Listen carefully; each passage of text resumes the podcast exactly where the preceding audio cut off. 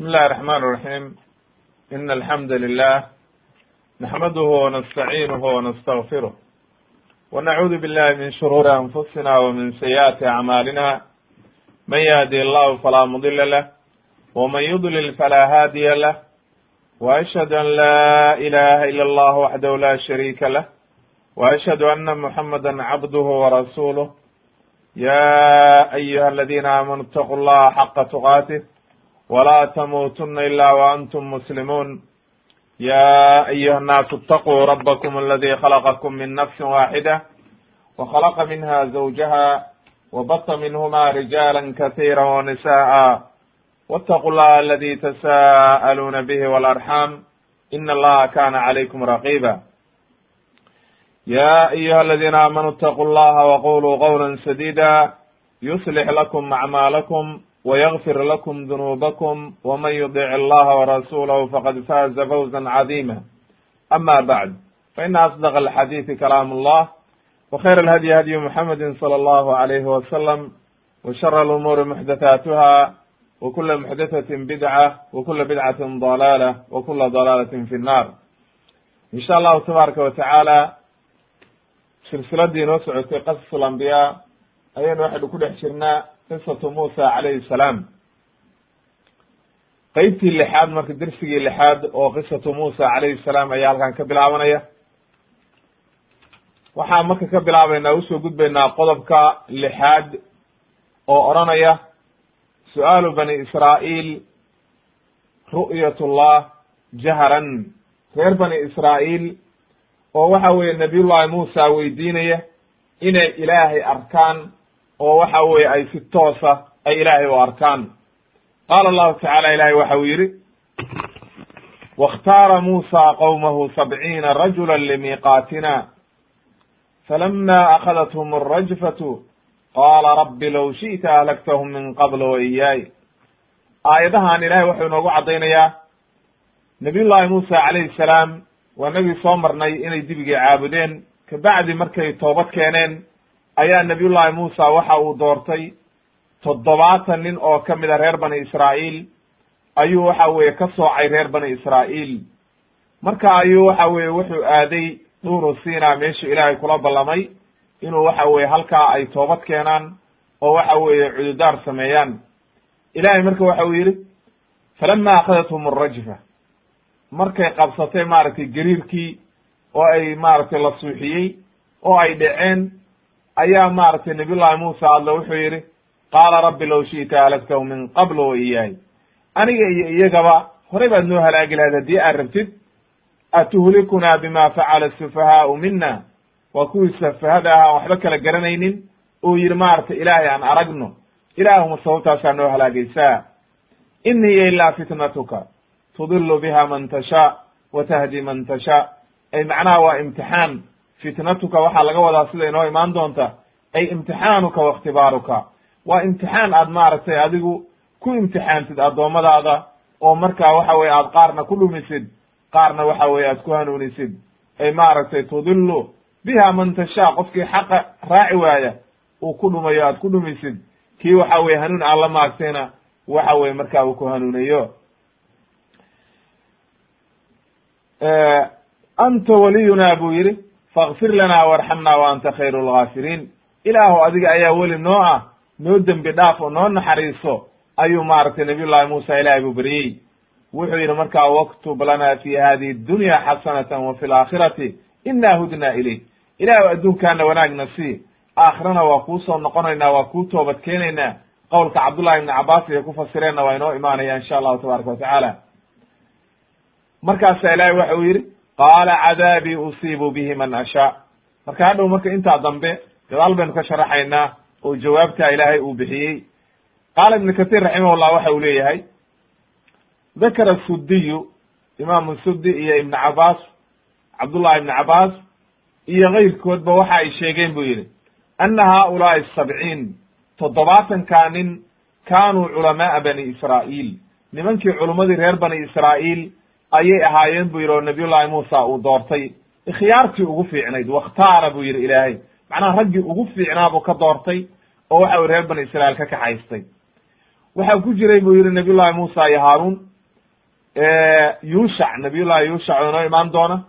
Nin kale oo la yidhaahdo naadabu ayaa ku jiray buu yidhi. Wa abihu labadaa nin marka magacyahooda waa reer bani israa'iil magacyadoodii waa min culamaai bani israa'iil baa la leeyahay laakiin ma garanayna allahu aclam maaragtay wax adilaha ku sugnaatay laakiin aqwaasha culimadun ba waxay leeyihiin labadaa ninna way ka mid ahaayeen ba leyihi nabiyullahi muusa ay ayaa kaxeeyey oo israaceen sababtay u socdeen marka maxay ahayd toddobaatankaa nin. Liyactadiruu can bani israa'iila fi cibaadati man cabada minhum alcijla. Waxay u socdeen inay ilaahay culudaar u sameeyaan oo ay maaragtay ilaahay uga culudaartaan dadkii caabuday dibiga oo waxa weye aan waxba kala ogeyn khaladkii ay galeen ilaahay waa ka toobad keennay waana laynay oo toobadii waa yeelay marka wuxuu yidhi ibnu kathiir waxaa la amray buu yidhi inay isdiyaariyaan oo waxa weeye ay isdaahiriyaan oo soo qubaystaan oo waxa weeye catar iyo soo marmariyaan falama dahabuu macahu. Markay nabiyullahi muusa raaceen waqtarabuu min aljabal ay duuru sina markii loo soo dhowaaday oo waxa weeye nuur uu ka baxayo oo waxa weye maaragtay daruuri dul taagan tahay iyo waxa weeye tiirar maaragtay nuur meeshii ka baxayo ayaa nabiyullahi muusa buurtii fuulay. Ilaahay baa la hadlay nabiyullahi muusa waa loo waxyooday leannahu nabiyullahi muusa ilaahay toos buu ula hadlayey oo waxa weye maba loo soo diraynin waxa weeye melag gaarsiiyey warka. Markaasay waxay leeyihiin halkaa markuu marka arkay ayay waxay leeyihiin culummadu marka markuu nabiyullahi muusa la hadlayay ilaahay ayaa qaarka way maqleen ba ley oo waxa weeye hadalki ilaahay ayay maqleen ayay leeyihiin.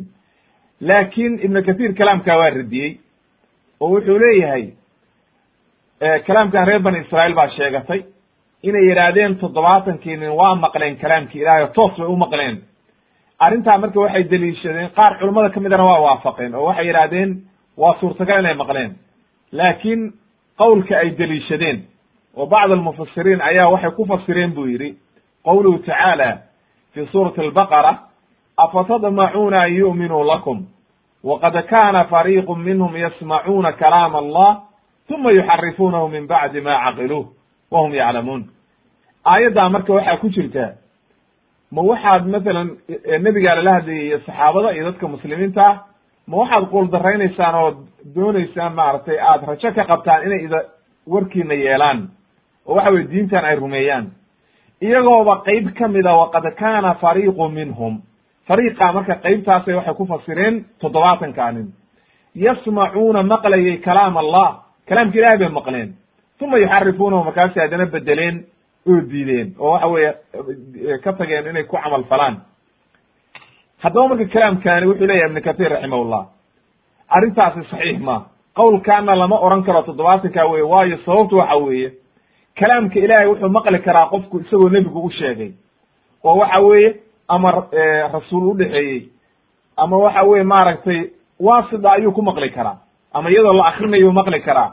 Kama qaala tacaala fi suurati tawba nebiga calayhi salaatu wasalaam markii la hadlayey oo lagu soo dejiyey wain axadu min almushrikiina istajaaraka faajirhu xataa yasmaca kalaam allah haddii maaragtay mid mushriga uu magangelyo ku weydiisto oo ku soo raaco magangeli ba leeyihi ilaa uu ka maqla kalaamka ilaahay. Marka ma ilaahay ba u waxyoonayo mushrigan waa maya ee yuu ka maqlayaa marka xataa yasmaca kalaam allah ay min nabiyi sala allahu alayh wasalam ilahay uu nebiga ka maqlo oo kalaamka ilaahay la akrinayo uu maqlo. Marka sidaa daraaddeed ayuu wuxuu leyahy ibnu kathir raximahullah toddobaatankaa nin kuma cadda aayaddan inay maqleen kalaamka ilaahay laakiin nabiyullahi muusa ayaa soo gaarsiiyey oo waxa weeye u sheegay wixii ilaahay yidhi saas ayaana maaragtay ay maaragtay ku habboon tahay oo waxa weeye daahirka aayadaha iyo sida maaragtay waxyigu weligiiba ahaa. Ilaa in la helo aayad ama xadiis caddaynaya inay maqleen mooye looma sugi karo inay maqleen. Wuxuu kaloo radiyey ibnu kathir halkan raximahullah. Wuxuu yidhi wazacamuu aydan ay alyahuud waxay sheegteen reer bani israa'iil toddobaatankaa nin toddobaatankii qof oo nabiyullahi muusa uu doortay inay ilaahay arkeen. Wa hada kaladun minhum. Waa arrin aad iyo aad u khalada oo ma ay arag ilaahay. Leannahu waxa weeye nabiyullahi muusa ba arki waayey oo waxa weeye u adkaysan waayey buurtii baa u adkaysan weyday see bay u arkayaan marka iyagooba suuxayba mar alla markay su'aashiiba weydiiyeen oo yidhahdeen ilaahay aan aragno. Waaba kuwii suuxay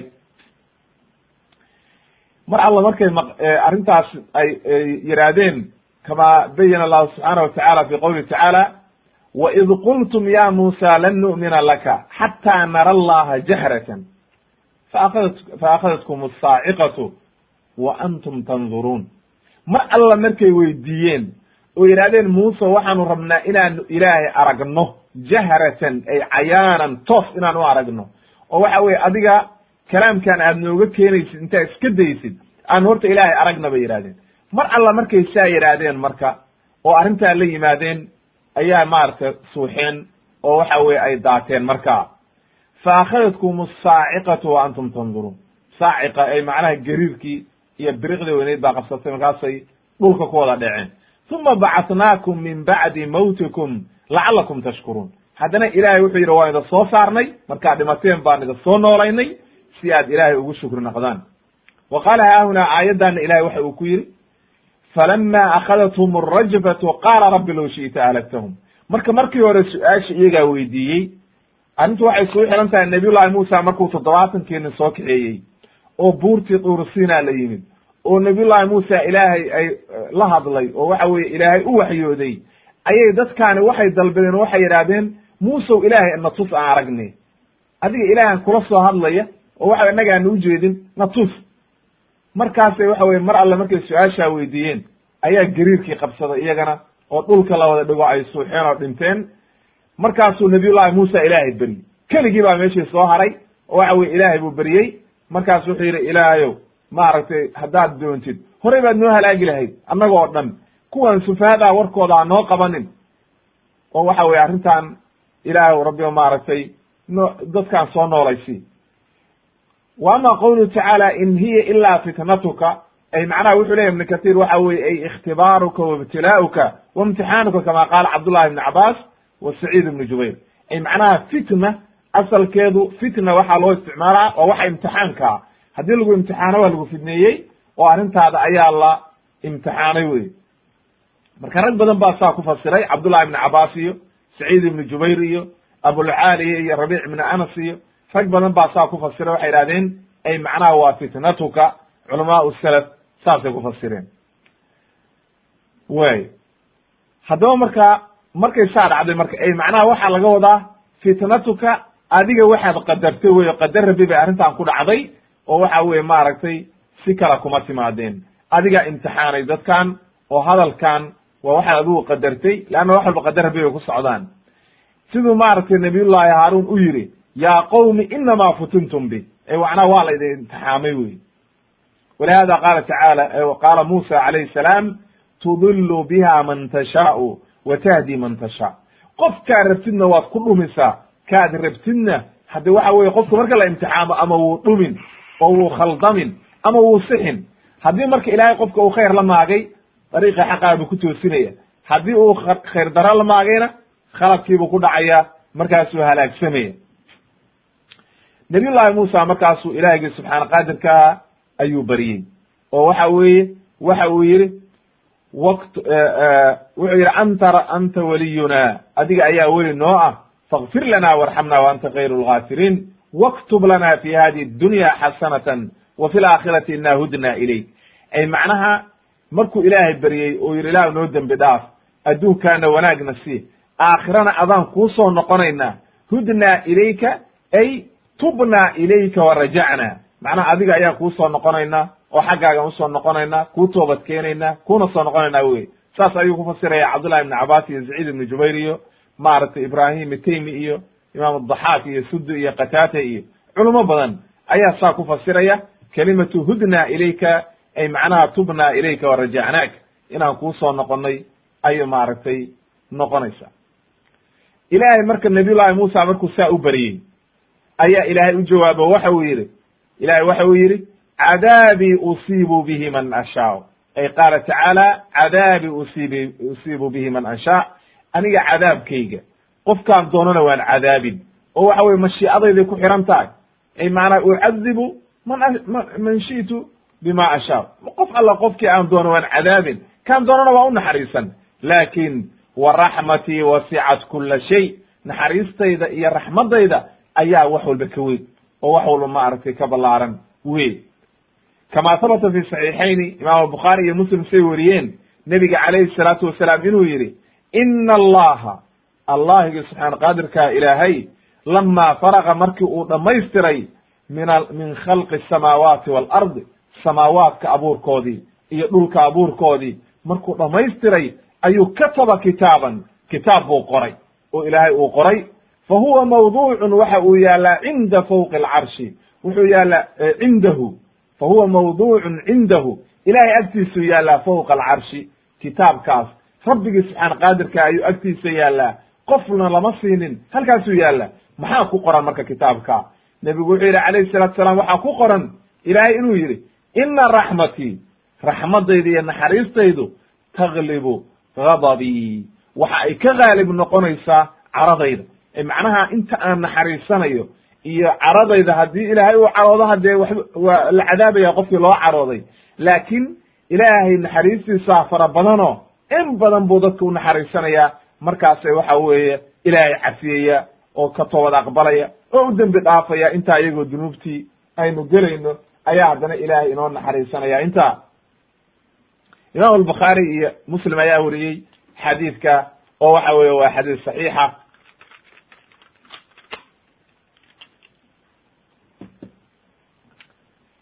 haddana qaala tacala ilahi wuxuu yidhi markaa fasaaktubuha liladina yattaquuna wayu'tuuna azakata waladiina hum biaayaatina yu'minuun. Markuu yidhi ilaahay wa raxmatii wasicat kula shay. Yaa naxariistii ilaahay marka helaya oo wanaaggii helaya kuwa ilaahay ka baqay oo zakada bixiyey oo soonkii salaadii la yimid oo ilaahay ka cabsaday oo waxa weye aayaadka ilaahay rumaynaya ayaa waxa weeye helaya naxariista ilahay iyo raxmadda ilaahay sifaat buu marka ilaahay u sheegay kuwa aladiina yatabicuuna arasuula annabiy alumiy aladi yajiduunahu maktuban cindahum fi tawraati walinjiil nabiyullahi muusa baa loo waxay waxa leeyahay waxaa wanaagayga helaya iyo naxariistayda iyo waxa weye raxmadayda kuwa raaci doona nebiga imaan doona oo ummiga nebi maxamed ba calayhi salatu asalaam loola jeedaa alumiyi waxaa la yidhahda aladi laa yaktubu walaa yaqra laa yaqra walaa yaktub kan aan waxna qorin waxna akriyin ayaa la yidhahdaa ummi oo macnaha weligii aan wax qorin. Marka ilaahay waxa uu yidhi kuwa raacaya nebigaa ummigaa oo waxa weeye aan waxna qorin waxna akriyin ay oo ka helayaan oo ku qoran nebigaas maaragtay tawraat iyo injiilba kuwaas ayaan maaragtay wanaagayga heli doona oo naxariista aan siinaya. Qof walba oo ilaahay ka cabsaday oo dariiqii xaqa ahaa maray oo nebi maxamed raacay ayaa bishaaradaas waxa weeye la kulmaya ya'muruhum bilmacruufi wayanhaahum cani lmunkar waa sifaatkii nebi maxamed uu lahaa weye wanaaggii ayuu dadka amraya xumaantuu ka nahyinaya wa yuxilu lahum adayibaat wax walba oo xalaala ayuu u xalaalaynaya wa yuxarimu calayhim alkhaba'is wax walba oo khabiisa oo xunna waa ka xarimaya aayaddan waa qaacido weeye loo qaato wax walba oo qofka dhibaato u keenaya oo xun waxa weye waa xaaraam weye wax walba oo wanaagsanna oo dayibana waxa weye waa xalaal. Marka halkaa aayaddaasaa laga garanayaa jaadka iyo sigaarka iyo kulli inay xaaraam yihiin leanna waa khabiis qofkii dhibaya oo dhibaato u geysanaya. Way aayaddaa marka ilaahay markuu saa uga hadlay ayuu wuxuu sheegay haddana sifaatka ay leeyihiin oo waxa uu yidhi wayadacu canhum israhum walaklaal alati kanat calayhim. Waxyaalihii hore oo waxa weeye dhibaatada ahaa oo waxa weeye xukumkii lagu adkeeyey maadaama ay dhib badnaayeen reer bani israa'iil waxyaalihii lagu adadkeeyey buu ka fududaynaya ummadda oo waxa weeye diin sahlan oo yusra ayuu la imaanaya marka ilahi waxau yidhi marka faaladiina aamanuu bihi wacazaruuhu wanasaruuhu watabacuu nuur aladi unzila macahu ulaa'ika hum lmuflixuun kuwa raacay oo u gargaaray oo waxa weye u hiiliyey oo sharfay kuwa ayaa wanaagga gaaraya oo waxa weye kuwaasaa liibaanaya oo waxa weye liibaan oo dhan la kulmaya. Marka waxa weeye nebi maxamed calayhi salaatu wasalaam sifaadkiisii weeye oo waxa weeye qof alla qofkii nebiga rumeeya oo raaca oo dariiqiisii mara wanaaggaasu la kulmaya. Haddaba halkaa qodobkaa waxaa inooga caddaaday reer bani israa'iil ilaahay markay weydiisteen nebi nebi muuse markay weydiiyeen inuu ilaahay tuso oo ay arkaan ayaa la suuxiyey oo dhulka la dhigay. Kabacdina ilaahay waa maaragtay soo nooleeyey iyadoo markaa maaragtay nabiyullahi muusa ducadiisii iyo wanaagga ilaahay uu baryey ilaahay ka aqbalay. Qodobka toddobaad baan u soo gudbaynaa wuxuu odhanayaa dikru bacdi ma warada fi munaajaati muusa lirabbihi tacaala. Nabiyullahi muusa calayhi salaam markuu ilaahay la hadlayey oo waxa buurtii duurasiina uu uu maaragtay tegey oo waxa weye reer bani israail toddobaatankii ayna maqlaynin bal waxyaalo waxaa jira la yidhi nabiyullahi muusa baa ilaahay weydiiyey oo waxa weeye ay axaadiid iyo ku sugnaatay aqwaal alculamaa ayaa qayb ka soo qaadanayna. Oo ibnu kathiir uu maaragtay aad u u sharaxay bal inta maaragtay sixa loo helay ayaan ka soo qaadanayna. Qaala ibnu kathiir wuxuu yihi raximahullah wa dakara kathiiru min annaasi ma kana min munaajaati muusa calayhi salaam. Wax badan bay horta sheegeen bu yihi dadku oo waxa weye ka mid ahayd waxyaalihii nabiyullahi muusa ilaahay uu kula faqay oo halkaa waxa weeye markuu ilaahay la kulmayey. Waxyaale aad u fara badan oo aan asal lahayn oo daliil loo haynin ayay wada keeneen.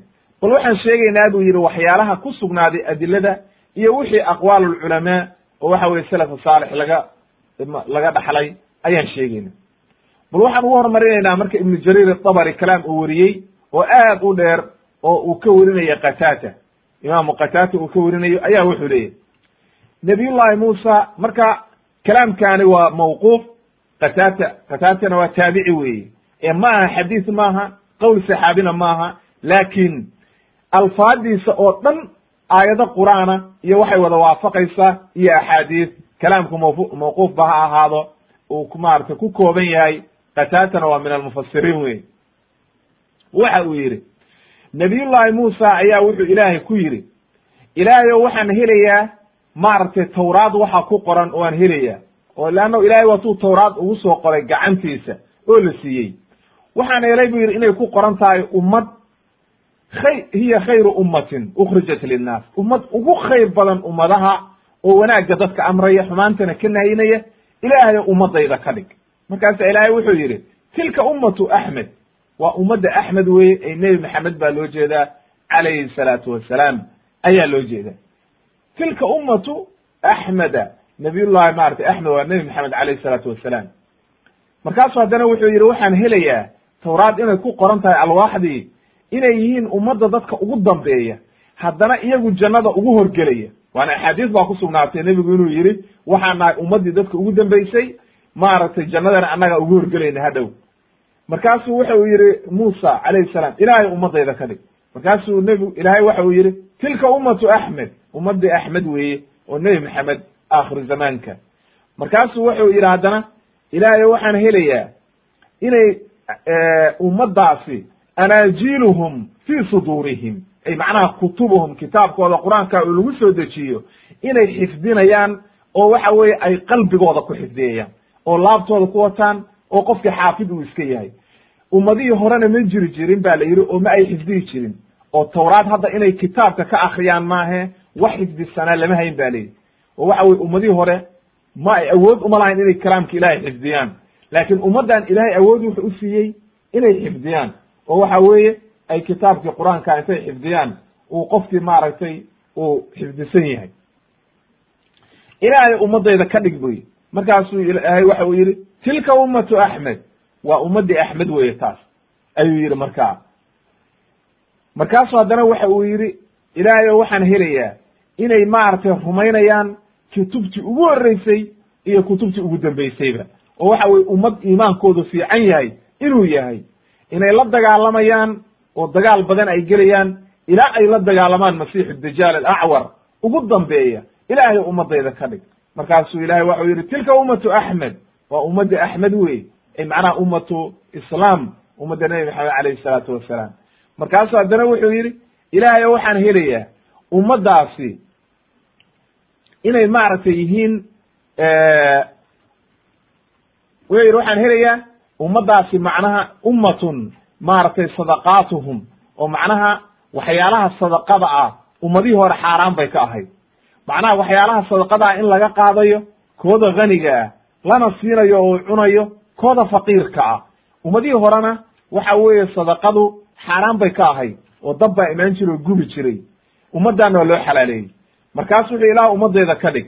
Markaasu waxa uu yidhi ilaahay maya til tilka ummatu axmed. Ummadda axmed weye ay nebi maxamed calayhi salaatu wasalaam.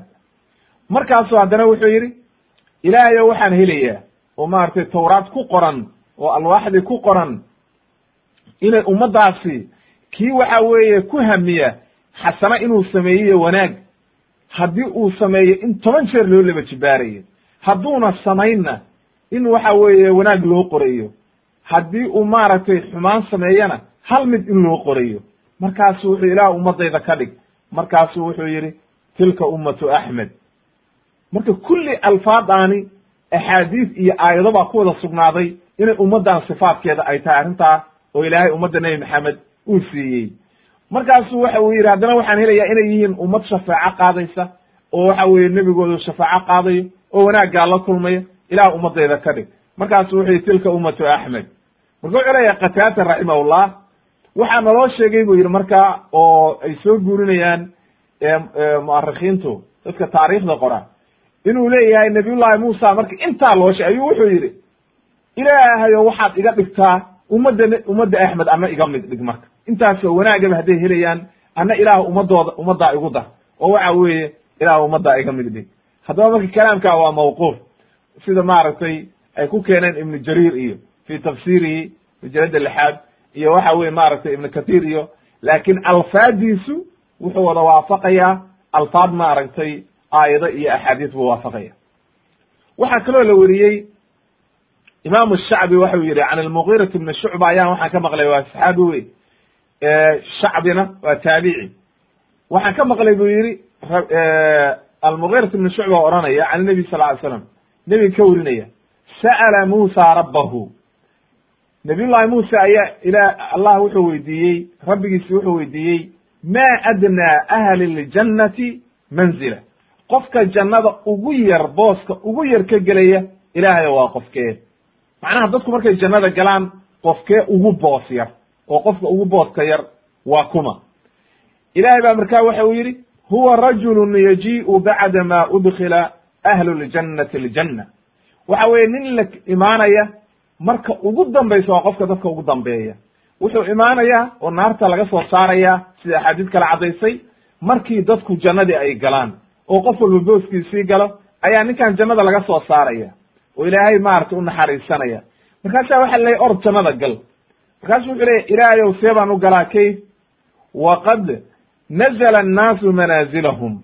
Iyadoo dadkii ay qof walba booskiisii degay jannadii waa buuxsantay xaggee baa ka galaa. Markaasaa ilaahay waxa uu ku leeyahay atarda ma raalli ma ka noqonaysaa an yakuna laka mithlu inaad heshid oo yeelatid wax la mida mulki melekin min muluki dunya. Macnaha boqor boqortooyadii adduunka ka mida boqoradii adduunka aad joogtay mid ka mida mulkigii uu haystay dowladdii dhammeedii uu haystay wax alla wixii uu haystay in lagu siiya raalli ma ka noqonaysaa? Markaasuu lehay raditu rabbi ha raalli baan ka ah. Markaasaa ilahay wuxuu odhanayaa laka dalika waxaad leedahay boqortooyadaas oo kale. Wa mithluhu iyo laba jeeroo laguu laba jibaaray. Wa mithluhu saddex laguu laba jibaaray. Wa mithluhu afar laguu laba jibaaray. Wa mithluhu shan laguu laba jibaaray. Shan jeer markii loo laba jibaaray matalan waa qofku boqortooyinkii uu yiqiinay maanta caalamka boqortooye dhan oo jirta dowlad dhan oo waxeedii o dhan haysata ayaa shan jeer lagu laban laabaya. Markaasu wuxuu yidhi midii shanaad markuu ilaah yidhi. Wuxuu yihi raditu raditu buu yihi ninkii. Ilaahay o raalli baa noqday markaasaa ilaahay waxau leeyahay haada laka wa cashratu amhaalihi taasaad leedahay toban jeerna lagu laba jibaaray walaka ma ishtahat nafsuka waladdat bihi caynuka. Waxaad leedahay wax alla wixii naftaada ku soo dhaca iyo wax alla wixii ishaada ku qabowsanayso ayaad leedahay jannada gal marka. Marka leannahu ilaahiyga subxaana qaadirka ahaa isagu wuxuu fiirinayaa dad badan baa jannadii kaaga hormaray laakin ilahay wax walba wuxuu odhanayaa kun fa yakun oo ilahay agtiisa waxba waxa weeye kuma yaraadaan waxna kama baaba'aan. Nabiyullahi muusa baa markaa wuxuu markuu yaabay oo ninkii jannada ugu dambeeyey hadduu intaa helay ilaahayow buu yidhi ninka ugu sarreeya marka booska ugu sarreeya gelaya fa aclaahu manzila see bay noqonaysaa arrintiisu. Markaasuu ilaahay waxa uu yidhi ulaa'ika aladiina kuwaasi waxa weeye kuwii anigu aniga subxaana qaadirkaa gacantayda harastu karaamatahum biyadii. Gacantayda ayaan waxa weye wixii aan ku karaamayn lahaa aan ku beeray. Oo wakhatamtu calayha markaasaan xiray. Oo waxa weye cid arkaysa ma jirto. Falam tara caynun walaa tasmacu udunun walam y walam yakdur calaa qalbi bashar. Macnaha kuwaasi waxayba leeyihiin boqortooye adduun iyo waxaasoo dhan qaymo male kuwaasi waxay leeyihiin waxaan weligood qof arag. Oo weligii qof maqal oo weligii qof qalbigiisa ku soo dhicin. Tasawur marka samee adiga adduunka maxaad sawiran kartaa oo qalbigaaga ku soo dhici kara. Waxaasoo dhan wax ka sarreeya ayaa waxa weye ilahay u ballan qaaday kuwa. Kama qaala tacaala fi fi suurati sajda falaa taclamu nafsun ma ukfiya lahum min qurati acyunin jazaan bima kanuu yacmaluun sida ilahay ba aayaddaas inoogu caddeeyey macnaha qof og ma jiro dadka wanaagsan oo ilaahay ka baqaya waxa ilaahay u diyaariyey. Xadiidka imaamu muslim iyo imaamu tirmidi ayaa wariyey waa xadiis saxiixa wa can abi hurayrata radi allahu canhu waxaa laga wariyey inuu yidhi nebiga calayhi salatu asalaam ba wuxuu yidhi sa'ala muusa rabbahu an caza wajala can sitti khisaalin. Nabiyullahi muusa ayaa ilaahay wuxuu weydiiyey lix arrimood. Lix arrimood ayuu weydiiyey kaana yadunnu annaha lahu khaalisatan. Lixdaa wuxuu u malaynayay inay isagu u ay gaar u tahay. Oo macnaha lix arrimood oo wanaagsan oo la siiyey ayuu wuxuu moodayay inay isaga gaar u tahay. Markii uu weydiiyey wasaabicatu tan toddobaadna lam yakun muusa yuxibuha tan toddobaad ma uu jeclayn. Aduu lix arrimood oo uu jeclaa inay keli gaar u noqoto ayuu weydiiyey. Maxaa ka mid ahaa waa lix arrimood oo aad u faa'iido badan oo la rabo qof walba oo muslima inuu ku sifoobo oo ku dadaalo. Nabiyullaahi muusa waxa uu yidhi ilaahay markuu weydiiyey wuxuu yidhi yaa rabbi allahayow ayu cibaadika atqaa? Addoommadaada keebaa ugu taqisan oo ugu wanaagsan? Waatay aayad qur'aan ahayd ina akramakum cinda allahi atqaakum. Marka kee ugu wanaagsan maadaama agtaada uu ugu karaamo badan yahay ninka taqiga ah laakiin ninkee ugu taqwo badan. Markaasuu ilaahay wuxuu yidhi alladii yadkurunii walaa yansa. Kan aniga mar walba ixusaya oo aan weligii ilaaweynin. Marna aan ilaaweynin oo mar walba afka igu haya kaasaa ugu wanaagsan agtayda oo waxa ugu taqwo badan. Qaala wuxuu yidhi fa ayu cibaadika ahdaa keebaa addoommadaada ugu hanuunsan oo ugu wanaagsan oo dariiqa xaqaa ku taagan. Markaasuu ilaahay wuxuu yidhi alladii yattabicu alhudaa kan hanuunka raacaya dariiqa xaqaa raacaya sunnaha raacaya kitaabka qur'aanka raacaya kaasaa addoommadeeda ugu wanaagsan oo ugu hanuun badan. Markaasuu wuxuu yidhi fa ay fa ayi cibaadika addoommadaada kee axkam macnaha ugu xukun wanaagsan oo xukunkiis ugu wanaagsan yahay. Markaasuu wuxuu yidhi alladii yaxkumu linnaasi kan dadka ku dhex xukminaya oo dadkii ku xukminaya kamaa yaxkumu linafsihi siduu naftiisa u xukminayo. Ay macnaha qofku markuu wax xukminayo waxaa la rabaa sidaad naftaada ugu garsoori lahayd inaad dadka ugu garsoortid oo naftaada aad qofka kale ka soo qaadid laa yuuminu axadukum xataa yuxiba liakhihi maa yuxibu linafsihi marka waxa weeye kaasaa ugu wanaagsan buu yidhi. Markaasuu wuxuu yidhi haddana fa ayu cibaadika aclam addoommadaada kee ugu cilmi badan. Oo waxa weye ninka ugu caalimsan waa ninkee. Markaasuu ilaahay wuxuu yidhi caalimun waa nin caalim ah oo cilmigii bartay laa yashbacu min alcilmi.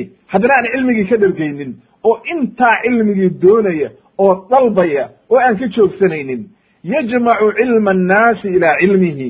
Cilmigiisii uu haystay iyo wanaaggii uu haystay ayuu haddana dadkii intaa wax alla wixii cilmiga uu hela ka aruursanaya oo waxa weye cilmigii ilaahay maba ka dhergayaba leanna ma cilmi ilaahay baa laga dhergaa wa fawqa kuli di cilmin caliim.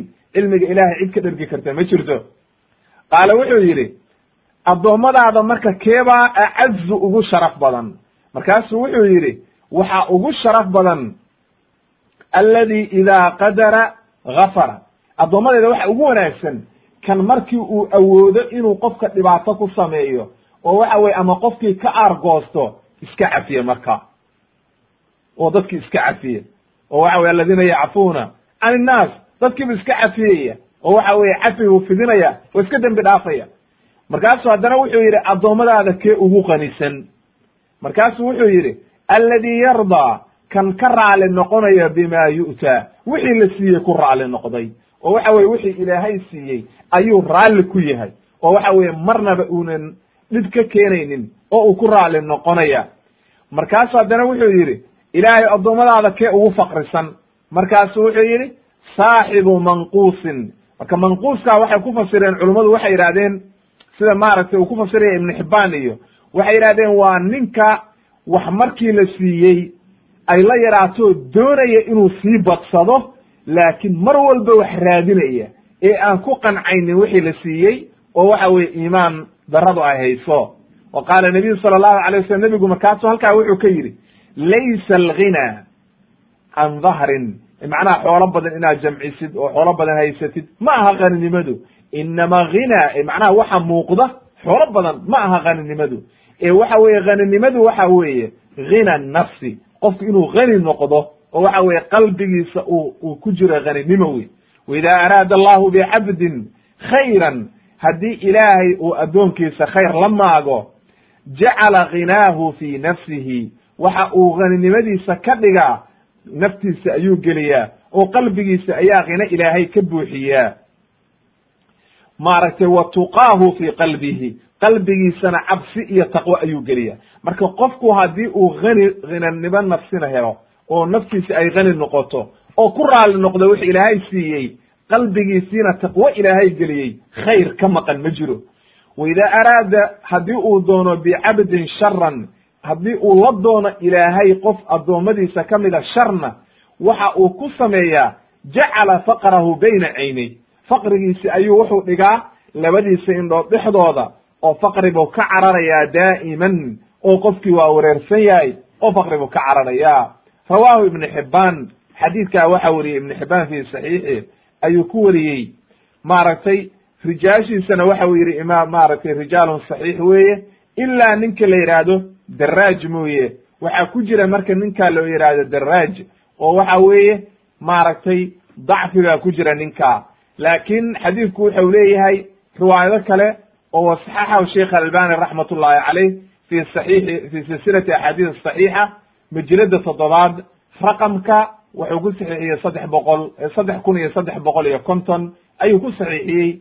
Marka xadiidku waa xadiis saxiixa. Imaam alhaythami iyana sida ay yidhahdeen rijaashiisa marka ninkaa daraaj baa ku jiro ragga qaarkood ayaa lagu daciifiya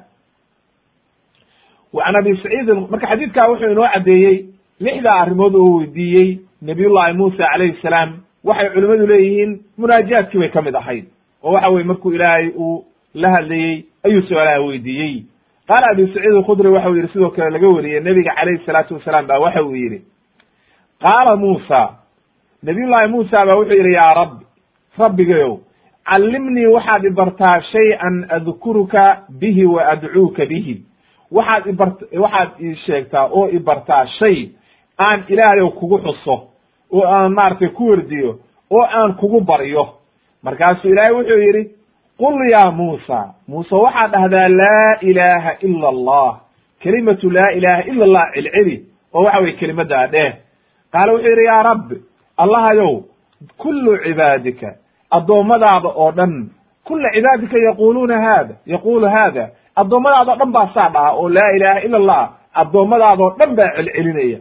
Markaasuu wuxuu yidhi ilaahay qul ya qul ya qul laa ilaha ila allah dheh buu yidhi laa ilaha ila allah wax ka fiican macnaha ma jiraane.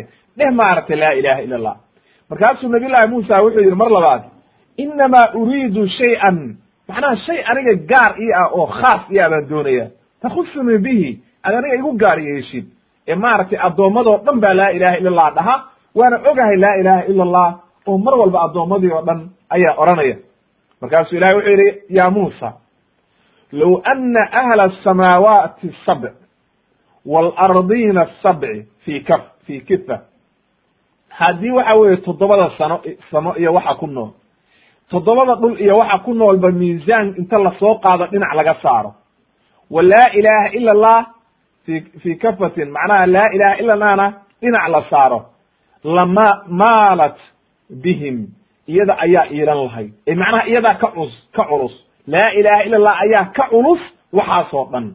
Oo waxa weeye ka ka wada weyn. Rawahu imaamu nisaa ayaa weriyey maratay fi sunanihi lkubra abu yacla wa ibn xibaan walxaakim wa fii sanadihi sanadkiisa waxaa ku jira ninkii aynu hadda soo marinay oo daraaj ayaa ku jira wa fiihi dacfun. Laakin shawaahid buu leeyahay oo waxa weeye saxaxahu imaam alxaakim wawaafaqahu dahabi wa saxaxahu alxaafid ibn xajar fi fatxi ilbaari ayuu ku saxiixiyey majalada koob iyo tobnaad laba boqol afartan iyo sagaal laakin sheikh albani raxmat ullahi caleyh isaga waa daciifiyey oo ninkaasuu ku daciifiyey oo waxa weeye waxa uu fi fi daciifi tarkiib sagaal boqol labaatan iyo saddex ayuu kaga hadlo wuxuu yihi ninkaasaa ku jira marka shawaahidiisa culummada kale ayaa saxiixisay oo xadiidku markaa wuxuu noqonayaa cala aqali maaragtay xadiid maaragtay markaa sugan oo waxa weeye la deliishan karo. Mishkaatulmasaabixana wuu ka aamusay sheikh albani raxmat ullahi caleyh qaala ibn kathir waxa uu yihi laftigiisa xadiidkaa markuu ka hadlayey wayashhadu lihada alxadiid xadiidkaa waxa u kacaya xadiid lbidaaqa maarata xadiidkii xadiid lbidaaqa la yidhaahdo macnihiisuna waxa weye xadiidka waa xadiidkii cabdullahi ibni camar uu weriyey ibn caas oo wuxuu yihi nabiga calayhi salaatu wasalaam ba wuxuu yihi ina allaha ilaahay sayukhalisu rajula min ummatii calaa ru'uusi khalaa'iqi yowma alqiyaama macnaha nin baa loo yeerayaa maalinta yowma alqiyaamaha oo waxa weye ilaahay la hadlayaa dadka oo dhan oo maqlayo ujeeda waa la keenaya markaasaa waxaa loo fidinayaa kutubkiisii waxaa la fidinayaa tiscatan wa tisciina sijilla sagaashan iyo sagaal sijille macnaha sijilku waxa weeye waa waa buug weyn oo wax lagu qoray oo aad iyo aad u weyn. Macnaha mid walbana uu la egyaha ba la yidhi warqad walba oo wax lagu qoray ay la eg tahay maddulbasar oo waxa weye inta aragtidu gaadho ay gaadho mithlu maddilbasar markaasa ilaahay wuxuu odhanayaa ninkii inta lala hadlo atunkiru min hada shay-an? Intaa lagaa qoray oo malaa'igtii kaa qortay wax khalada oo ku jira oo aadan samayn oo dembiya ma jira adalamuka katabati alxaafiduun miyay ku dulmeen? Mise waxaan adaa sameeyey? Markaasuu ninkii qiranaya wuxu lehy laa ya rabbi layma dulmin. Anaa sameeye waxaan. Dembigaan waan galay mana lay dulmin. Markaasuu ilaahay wuxuu leeyahay afalaka cudurun? Wax cududaara oo dembigaa kuu geeyey oo maanta lagugu cududaari kara ma haysata. Ma jahli baa kuu geeyey ma dhibaataa kuu geysay ma daruuraa kuu ge maxaa waxaan kugu kalifay? Markaasuu leeyahay fa yaqulu wuxuu odhanayaa ninkii intuu hadlo wax wax wax aan leeyahay oo cududaara ma jiraan. Markaasuu ilahay wuxuu odhanayaa bela ina laka cindanaa xasana. Waxaad leedahay halkan ku yaalla hal xasano hal wanaag. Intaasoo dembiga oo aad samaysay sagaashan iyo sagaal waxa weeye buugo gebgabadoo la buuxiyey oo la fidiyey iyo waxa weeye hal xasano oo laguu qoray oo malaa'igtu kuu qortay ayaanu kuu hayna haddaad adigu wax cududaar haysan halkan waxaa kuu taalla hal wanaag oo aad samaysay. Markaasa waxa ilaahayna wuxuu leeyahay wa inahu laa dulma calayka alyowm maantana ma lagu dulminayo markaasaa bidaaqa yar baa la keenaya warqad yar.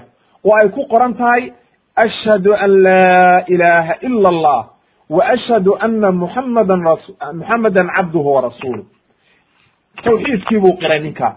Marka ninkaasi waxa uu ahaa dunuubta uu sameeyey oo dhan macaasi bay ahayd laakin shirki ma ahayn. Oo kelimatu tawxiid oo saxiixa ayuu la yimid. Leanna waxa weye qofku ilaahay waa tuu ballan qaaday oo yidhi qofkii maaragtay in maaragtay in allaha laa yakfiru an yushraka bihi wayakfiru ma duna dalika laman yasha. Marka ilaahay waa u dembi dhaafaa wax alla wixii sharki shirki ka sokeeya. Qofku doona waa u dhaafaya. Waa qofku doono isagu markaasu wuxuu leeyahay ninki intuu hadlo wuxuu leeyahay waxa la leeyahay kaalayba ilahay ba wuxuu leeyahay kaalay imow oo waxa weye miisaankaa laguu saaray. Markaasu wuxuu leeyahay ilaahayow warqadan yarta ah xageeba maxay kaga filaanaysaa sagaashan iyo sagaalka? Markaasa ilahay wuxuu leeyahay laa dulma calayka alyowm maanta ma lagu dulmayo. Oo waxa weeye dulmi ma jiro ee xaadir meesha wax lagugu miisaamayo. Kelimatu laa ilaha illa allah bidaaqadii yarayd baa waxaa la saarayaa dhinac dhinacna waxaa la saarayaa waxa weye sagaashan iyo sagaalkii ayaa la saaraya. Markii saa loo saaro ayay markaa ka cuslaanaysaa oo kelimatu laa ilaha illa allah baa cuslaanaysa oo waxa weeye sagaashan iyo sagaalkiiba kor bay ku dhegayaan kelimaddaana waa cuslaanaysaa hadde ninkii marka markaa wuxuu noqday fa amaa man haqulat mawaaziinuhu fa huwa fi ciishatin raadiya. Wa amaa man khafat mawaaziinuhu fa umahu haawiya marka waxa weye qofka haddii ay miisaankiisi xasanaadkii cuslaadeen hadda waa guuraystay qofkii. Sidaasuu qofkii ku badbaadaya oo jannada ku gelaya haddaba laakiin arrintaani waxa weeye ninkaa tawxiid saxiixuu la yimid. Tawxiid saxiixa ayuu la yimid. Oo waxa weye caqiido saxiixuu la yimid. Maxaa marka loo baahan yahay? Qof qofku caqiidada iyo tawxiidka inuu sugo kabacdina markaa uu ka toobad keena macaasida. Laakiin waxaa dhici karta inay waxa weye haddii aad shirki la timaadid kelimadii tawxiidkana kaa burburto.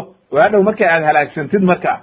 Xadiidka marka waxa weriyey imaamu axmed iyo imaamu tirmidi xaakim iyo imaamu lbayhaqi wa saxaxahu sheikh albani fi saxiix iljaamic kun iyo toddoba boqol iyo waxa weye toddobaatan iyo lix iyo silsilati axaadiis saxiixa waxa weeye boqol soddon iyo shan ayuu ku saxiixiyey. Qodobkaa marka halkaa waxaynu uga gudbaynaa axaadiidtaa ku sugnaatay macnaha intaa ayaan wax maaragtay saxiixa u helay waxyaalihii maaragtay nabiyullahi muusa calayhi salaam waxa weeye la yidhi ilaahay buu weydiiyey oo waxa weeye ku sugnaatay. Kabacdi marka waxaan u soo gudbaynaa qodobka sideedaad oo odhanaya. Maa jaa fi akhdihi tacaala mithaaqa bani israa'iil. Ilaahay markaa kabacdi markii toddobaatankii ilaahay uu nooleeyey oo reer bani israa'iil towraad loo soo dejiyey oo loo keenay ilaahay ballan buu ka qaaday. Mithaaq adag baa laga qaaday reer bani israa'iil waa lala ballamay. Qaala allahu tacala ilahay waxa uu yidhi waid akhadnaa miithaaqakum wa rafacnaa fawqakum aطuura khuduu ma aataynaakum biquwatin wadkuruu ma fiihi lacalakum tattaquun. Uma tawallaytum. Marka ilahay aayadda wuxuu inoogu caddeeyey xusuustaa la yidhi reer bani israa'iilow. Markii ballanta adag laydinka qaaday miithaaqu waa ballan iyo heshiis la wada galo wey wa rafacnaa fawqakum aduura waxaa la dul keenay buurtii duurasiina way inoo imaanaysaa bal habka culummadu loo dul keenay. Markaasa waxaa la yidhi khuduu maa aataynaakum biquwa qaata baa la yidhi waxaanu idin siinay awood ku qaata ee caqiide saxiixa ku qaata. Wadkuruu ma fiihi lacalakum tattaquun. Xusa baa la yidhi oo waxa weeye raaca si ilaahay waxaad mudantihiin markaa inaad ilahay ka cabsataan ilaahay wuxuu yidhi uma tawallaytum. Waad jeensateen marka min bacdi dalika intaa ka bacdi. Falawlaa fadlu llah haddaan ilaahay idiin naxariisan fadligiisa iyo wanaaggiisa una jirin wa raxmatuhu iyo naxariistiisa lakuntu min alkhaasiriin. Waxaad ahaan laha idin kuwa khasaara oo halaag ku dhaco. Wa qaala tacaala ilahay aayad kale waxa uu ku yidhi fi suurati albaqara weeye aayadahaasi fi suurati alacraafna ilahay waxa uu ku yidhi waid nataqna aljabala fawqahum kaanahu dullatun wadannuu annahu waaqicun bihim khuduu ma aataynaakum biquwa bal u fiirso wadkuruu ma fiihi lacalakum tattaquun fi suurati alacraaf wey marka aayadahan macnaheeda waxa uu leeyahay cabdullahi ibni cabaas iyo waxa weye gayru waaxidi min asalaf ba waxay leeyihiin lama jaahu muusa bilalwaax nabiyullahi muusa markii uu la yimid alwaaxdii tawraad ilaahay ugu qoray oo tawraad oo dhan lagu soo dejiyey fiiha tawraat oo amarkii ilaahay iyo wanaaggii iyo axkaamtii iyo caqiidadii wax walba lagu sugay ayaa waxaa la yidhi nabiyullahi muusa markuu ula yimid ayuu yidhi qaata kitaabka ilaahay oo ku dhaqma oo ku camal fala. Markaasay waxay yidhaahdeen horta fidi natus waxa ku jira. Hadduu sahal yahay oo awaamirtiisu ay sahlan tahay waa qaadanayna. Hadday wax culus tahayna ma qaadanayno. Markaasu wuxuu yidhi war qaata oo waxa weeye muranka intaad joojisaan hadduu culus yahay iyo haddii kaleba ilaahay baa idiin soo dejiye qaata diinta ilaahay. Dhibtii laweyd baa laydinka soo badbaadiyey waxa weeye wanaaggaasaa laydii galay fircoon baa laydinka soo badbaadiyey qaata kitaabka ilaahay oo diinta ilaahay ku dhaqma oo ha soo jeensanina oo waxa weeye dhaqan bay ulahaayeen samicnaa wa casaynaa bay daa'iman weligood isticmaali jireen reer bani israa'iil. Sidaa daraaddeed baa ilaahay inaga nahiyey innaga ummadda muslimiinta oo la yidhi maaragtay samicnaa wa adacnaa dhahaya oo waxa weye ha odhanina samicnaa wa casayna. Aad iyo aad bay u xun tahay inuu qofka diintii ilaahay intay u timaado inuu muran la yimaado oo soo jeensado daa'iman waa inuu qofku noqdaa qof ilaahay adeecaya oo samicnaa wa adacnaa waxa weye mar walba ay timaado ma kaana lilmu'mini maaratay maaratay qofka mu'minkaa oo ilaahay ka baqaya uma habboona haddii ilaahay qowlkiisa uu yimaado inuu hadal la yimaado oo waxa weeye ikhtiyaar iyo midna uma habboona. Wma kana limu'minin walaa mu'minatin ida qada allahu warasulu amra an yakuna lahum alkhiyara min amrihi bal fiirso haddii mar ilaahay waxaan xukmiyey maxaa hadal kale meesha keenay? Hadduu culus yahay iyo hadduu fudud yahay waa idin khayr baa idinku jira. Ilaahay baa og wixii khayrku idinku jiro. Qaata ayaa la yidhi. Markaasay soo istaageen markay diideen marka. Iyo waxay leeyihiin saxaabadu sida cabdullahi ibni cabaas iyo qowluhu tacaala waid nataqna aljabala. Ilaahay markaasu waxaa la soo kiciyey buurti duurasiina dushoodaa la keeno. Oo la yidhi kaannahu dullatun ay macnaha waxay noqotay daruur dul taagan oo kale hamaama macnaha daruur dulla waa waa waa waa daruurta wey markay daruur dushaadi haraynayso kale waxaa la soo dul istaajiyo la soo hareeyey sida dalladoo kale ayaa la soo dul istaagiyo madaxooda la soo saaray oo la yidhi ama qaata ama buurtaasaa laidinku dejinaya oo waa baaba'aysaa markaasay waxa weeye aqbaleen oo waxa weye ay sujuudeen ba la yidhi oo waxa weye sujuud la dhaceen oo waxa weye marka waxay samaynayeen ba la yidhi. Amarkii lasiiyo la yidhi qaata oo sujuuda ba la yidhi wa umiruu bisujuudi. Waa sujuudeen marka waa cabsadeen.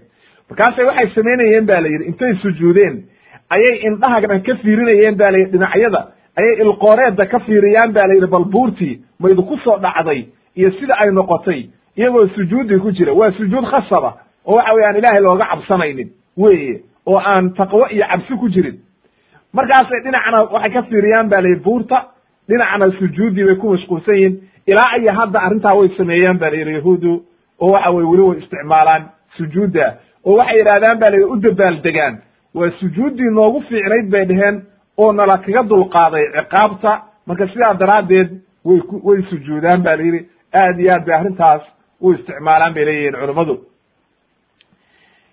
ilaahay wuxuu yidhi uma tawallaytum markii ciqaabtii laga dulqaaday ayay haddana jeensadeen.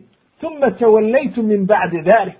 Haddana markaasaa jeensateen oo ka dhaqaaqdeen ayaa la yidhi walowlaa fadlu llah ay macnaha diinti ilahay o dhan intay ka tageen awaamirti ilaahay kulli markay ka tageen ilahay wuxuu yidhi haddaan ilahay idiin naxariisan. Oo waxa weye rabbigii naxariista ilaahay iyo fadligiisa iyo raxmadiisa aynan ida haleelin lakuntu min alkhaasiriin ay min alhaalikiin waa laydin cadaabi lahaa dhibaataa idinku dhaci lahayd adduunkaa laydinku baabi'in laha haddaba qodobkaana waxaynu ka garannay miithaaqdii iyo wanaaggii lagula ballamay reer bani israa'iil waa ka dhaqaaqeen diintii ilaahay lagula ballamay waa ku caasiyeen nabiyullahi muusa. Marka dadka intaasoo wanaaga hadba loo samaynayo oo waxa weye intaasoo nicama loo keenayo haddana madax adaygooda waa ummad cajiiba wey subxaana allah waxaynu u soo gudbaynaa marka qodobka sagaalaad oo bal haddana waxa ay samaynayaan fiiri halkan oo mid ka daran ayay haddana la imaanayaan. Qisatu baqarati bani israa'iil. Qisadii waxa weye dhacday oo reer bani israa'iil kabacdi waa xilligii ay tiiha ku jireen. Ayaa haddana waxaa halkan timid. Waxa weeye waxaa la amray inay gowracaan maaragtay neef lo'a sababtay ku timidna waa inoo imaanaysaa. Qaala allahu tacala ilahi waxa uu yidhi waid qaala muusa liqowmihi ina allaha ya'murukum an tadbaxuu baqara nebiga ayaa waxaa la yidhi xus ba la yidhi. Markii nebiyullaahi muusa uu qoomkiisii ku yidhi ilaahay wuxuu idhi amrayaa inaad gowracdaan neef lo'a qaaluu atatakidunaa huzwa ma waxaad naga dhigeen managu dheeldheelaysaa ba la yidhi. Istihzaa huzu waa dheeldheelis wey qaala acuudu billahi an akuna min aljaahiliin. Wuxuu yidhi markaa ilaahay baan ka magan galay inaan noqdo kuwa jaahiliinta inaan ka mid noqdo qaaluu ducu lanaa rabbaka yubayin lana ma hi noo bari baa la yidhi rabbigii ku abuurtay oo rabbigaaga noo weydii neefkan aadna leedahay gowra muxuu yihi qaala wuxuu yidhi inahu yaqulu inaha baqaratun laa faaridun walaa bikrun cawaanun bayna dalika fafcaluu ma tu'maruun bal may mid un iska gowracaan maxaa su'aashaan inay soo celceliyaan maxaa keenay may mid iska gowracaan qaala ibnu kahiir raximahullah waxa uu leeyahy qaala cabdullahi ibni cabaas wa cubayda maaragtay wa cubaydatu asalmaniyu wa abulcaaliya wa mujaahid wasudiy wa gayru waaxidi min asalaf arrintaani sababteedii bay keenayaan mufasiriintu waxay leeyihiin sababta arrintaani sacaasi waxay ahayd kaana rajulun fi bani israa'iil kathiiru lmaal nin reer bani israa'iil ahaa xoolo badan oo aad u xoolo badan buu ahaa ba leyihi carruurna ma lahayn ba leyihi wa kaana shaykhan kabiira nin aad u weynna waa lahaa waa ahaa oo waa gaboobay wuxuu lahaa marka wiilal uu adeer u yahay. Oo dhaxalkiisa leh leanna isaga xoola ma leh. Oo cid kaloo dhexlaysa ma jirto wiilashaa mooye. Waxay degdegsadeen markaa ilaa ninkaana inuu dhinto ayay tamaninayeen si ay xoolaha u dhaxlaan. Leanna ninkan waa gaboobe odagii waa dhiman waaye marka. Habeenkii dambe marka habeennimo ayaa mid iyagii ka mida intuu u qasday oo odagii dilay oo soo jiiday ayuu wuxuu ku tuuray baa la yidhi nin kale oo waxa weeye reer kale ah oo waxa weeye jiribkiisii aan ahayn ayuu gurigiisii ku hor tuuray meel dariiqa oo dadku soo mari jiray. Falamaa asbaxa annaasu markay dadkii waa beriisteen ayaa la dooday. Wa jaa'a ibnu akhiihi ninkii dilayna waa yimi walaalkiis uu dhalay oo adeerka u ahaa waa is oohiyey wuxuu walaal adeerkay baa la dilay dhibaataana laku sameeyey. Wuxuu calaacal buu galay. Si maaragtay uu dulmi uu isku maaragtay qariyo. Markaasay waxa weye dood baa timid meeshii. Qaar baa waxay yidhahdeen maxaad u murmaysaan? Nebigii ilaahay baa ida dhex jooga. Orda weydiiya isaga. Ilaahay baa maaragtay arrintan kala caddaynaya ciddii dishay. Ninkii gurigiisa lagu hortuulay wuxuu yidhi anigu ma dilin. Shaqana kuma li ummaddii kaloo dhanna nin walba wuxuu yidhi maanu arag. Haddaba waxa weeye orda waxa weeye weydiiya marka nebigii ilaahay. Nebigiiba u yimaadeen calayhi salatu slam nabiyullahi muusa baa dhex jooga. Way weydiiyeen oo waxay yidhahdeen arrintaasaa nagu dhacday dhibaatadaasaa timid arrintaa nooga war. Nabiyullahi muusa waa dhaariyey marka. Wuxuu yidhi anshudu allaha rajulan cindahu cilmun min amri hada alqatiil ilaa aclamana bih ilaahay baan ku dhaarinayaaye kulligiin qofkii og arrintaa wax ka ogow noo sheeg hanaga qarin. Leanna waa nebi ilaahay baa ku dhaariyey waa wada aamuseen. Waxaad moodaan nebigaba warkiisa inaynan rumaysnayn. Nimankaa niman imtixaana wey. Subxaana allah qofuuna waa la waayey. Waxay idhahdeen marka arrintan ilaahay weydii oo rabbigaaga weydii arrintan qisadan ha noo kala caddeeye nabiyullahi muusa ilaahay buu weydiiyey marka. Ilaahay o arrintan kala xugmi buu yidhi. Oo waxa weye markaasay noqonaysaa jawaabta uu nabiyullahi muusa yidhi markaa ina allaha ya'murukum. Markaasu u jawaabay. Oo yidhi ilaahay wuxuu yidhi amrayaa an tadbaxuu baqara. War sac inta soo qabataan noocuu doono ha ahaado. Baqara waa nooc walba. Ama dibi ama sac ama mid yar ama mid weyn ama mid gabowday mid un gowraca. An tadbacuu baqara. Sac un gowraca. Markaasay intay ku qosleen waxay yidhahdeen qaaluu atatakiduna huzuwa ma nagu dheeldheelaysaa waa maxay sac gowraca arrin baanu kuula nimid nin baa la dilay sac gowracaad na leeda waa maxay waxaa? Macnaha warkiisiiba ma rumaysna. Waxaa meesha ka maqan macnaha inaynan aaminsanayn nebigaani calayhi salaatu wasalaam laa yandiqu can ilhawa oo wixii uu nebigu sheego waa waxyi min allahi baa nimankaan ka maqan. War sac gawraca baa la yidhi maa gawracdaan nebiga su'aal baad weydiiseen jawaab buuna idin siiye maad u degdegtaan. Qaala acuudu billahi bu yidhi an akuna min aljaahiliin jaahiliin idinkoo kalea inaan noqdo ilahay baan ka magangalay bu oo aan ilaahay wax unan i amrin aan idiin sheego leannahu nebiga calayhi salaatu wasalaam nebi kasta wixii ilaahay u waxyooduu dadkooda u sheegaaye ma aha isagu wax min cindi nafsii ka keeni mayo wixii aad i weydiiseen aniga ilaahay waa weydiiyey. Waana idii jawaabay waa kanoo sac gawracaa la idin yidhi ilaahayna waa ida amray maad gawracdaan qaala cabdullahi ibni cabaas wuxuu yidhi iyo maaragtay cubeyda iyo mujaahid iyo cikrama iyo waxay leeyihiin imaamu sudi iyo abulcaaliya iyo gayr waaxidin culamo badan waxay leeyihiin falow annahum camaduu haddii ay u qasdaan ilaa ayi baqara nooc uu doono ha ahaadee hadday neef lo'a intay iska soo qabtaan gawrici lahaayeen laxasala almaqsuudu. Arrinta way dhammaan lahayd wayna heli lahaayeen xukunkii laakiin iyagiiba isku adkeeyey oo dhib bay isku sameeyeen oo waxa weye way isku adkeeyeen. Ulajeedaduna waxay ahayd inay un sac gowracaan calaa kulli xaal sac baa la yidhi gowraca sacii markii la yidhi gowraca noocuu doon ha ahaadee ayay waxay yidhahdeen maahiya noo sheeg sacu nooc uu yahay. Markaasaa lagu adkeeyey oo la yidhi waxaad gowracdaan in allaha yaamurukum an tadbaxuu baqara markii la yidhi. Waxaa la saci gowraca oo ay dina yidhahdeen maahiya ayaa la yidhi waxaad gowracdaan sac meel dhexaada. Oo waxa weeye dhexdhexaada. Laa faaridun walaa bikrun cawaanun bayna dalik faaridku waxa weeye waa kabiir waa midka weyn ayaa la yidhahdaa faarid oo harabkaa oo gaboobay. Bikriguna waa midda yartaa oo dhalinyarada saas ayay ku fasirayaan culummada cabdullahi ibn cabaas iyo raximahum llah radia allahu canhum iyo mujaahid iyo kulligood jamaaco badan. Marka waxaa la yidhi sac meel dhexaada awel markii hore waxaa la yidhi noocaa rabtaan sacu doono. Hadda meel dhexaad baa laga dhigay. Waa sac wanaagsan oo la jecel yahay.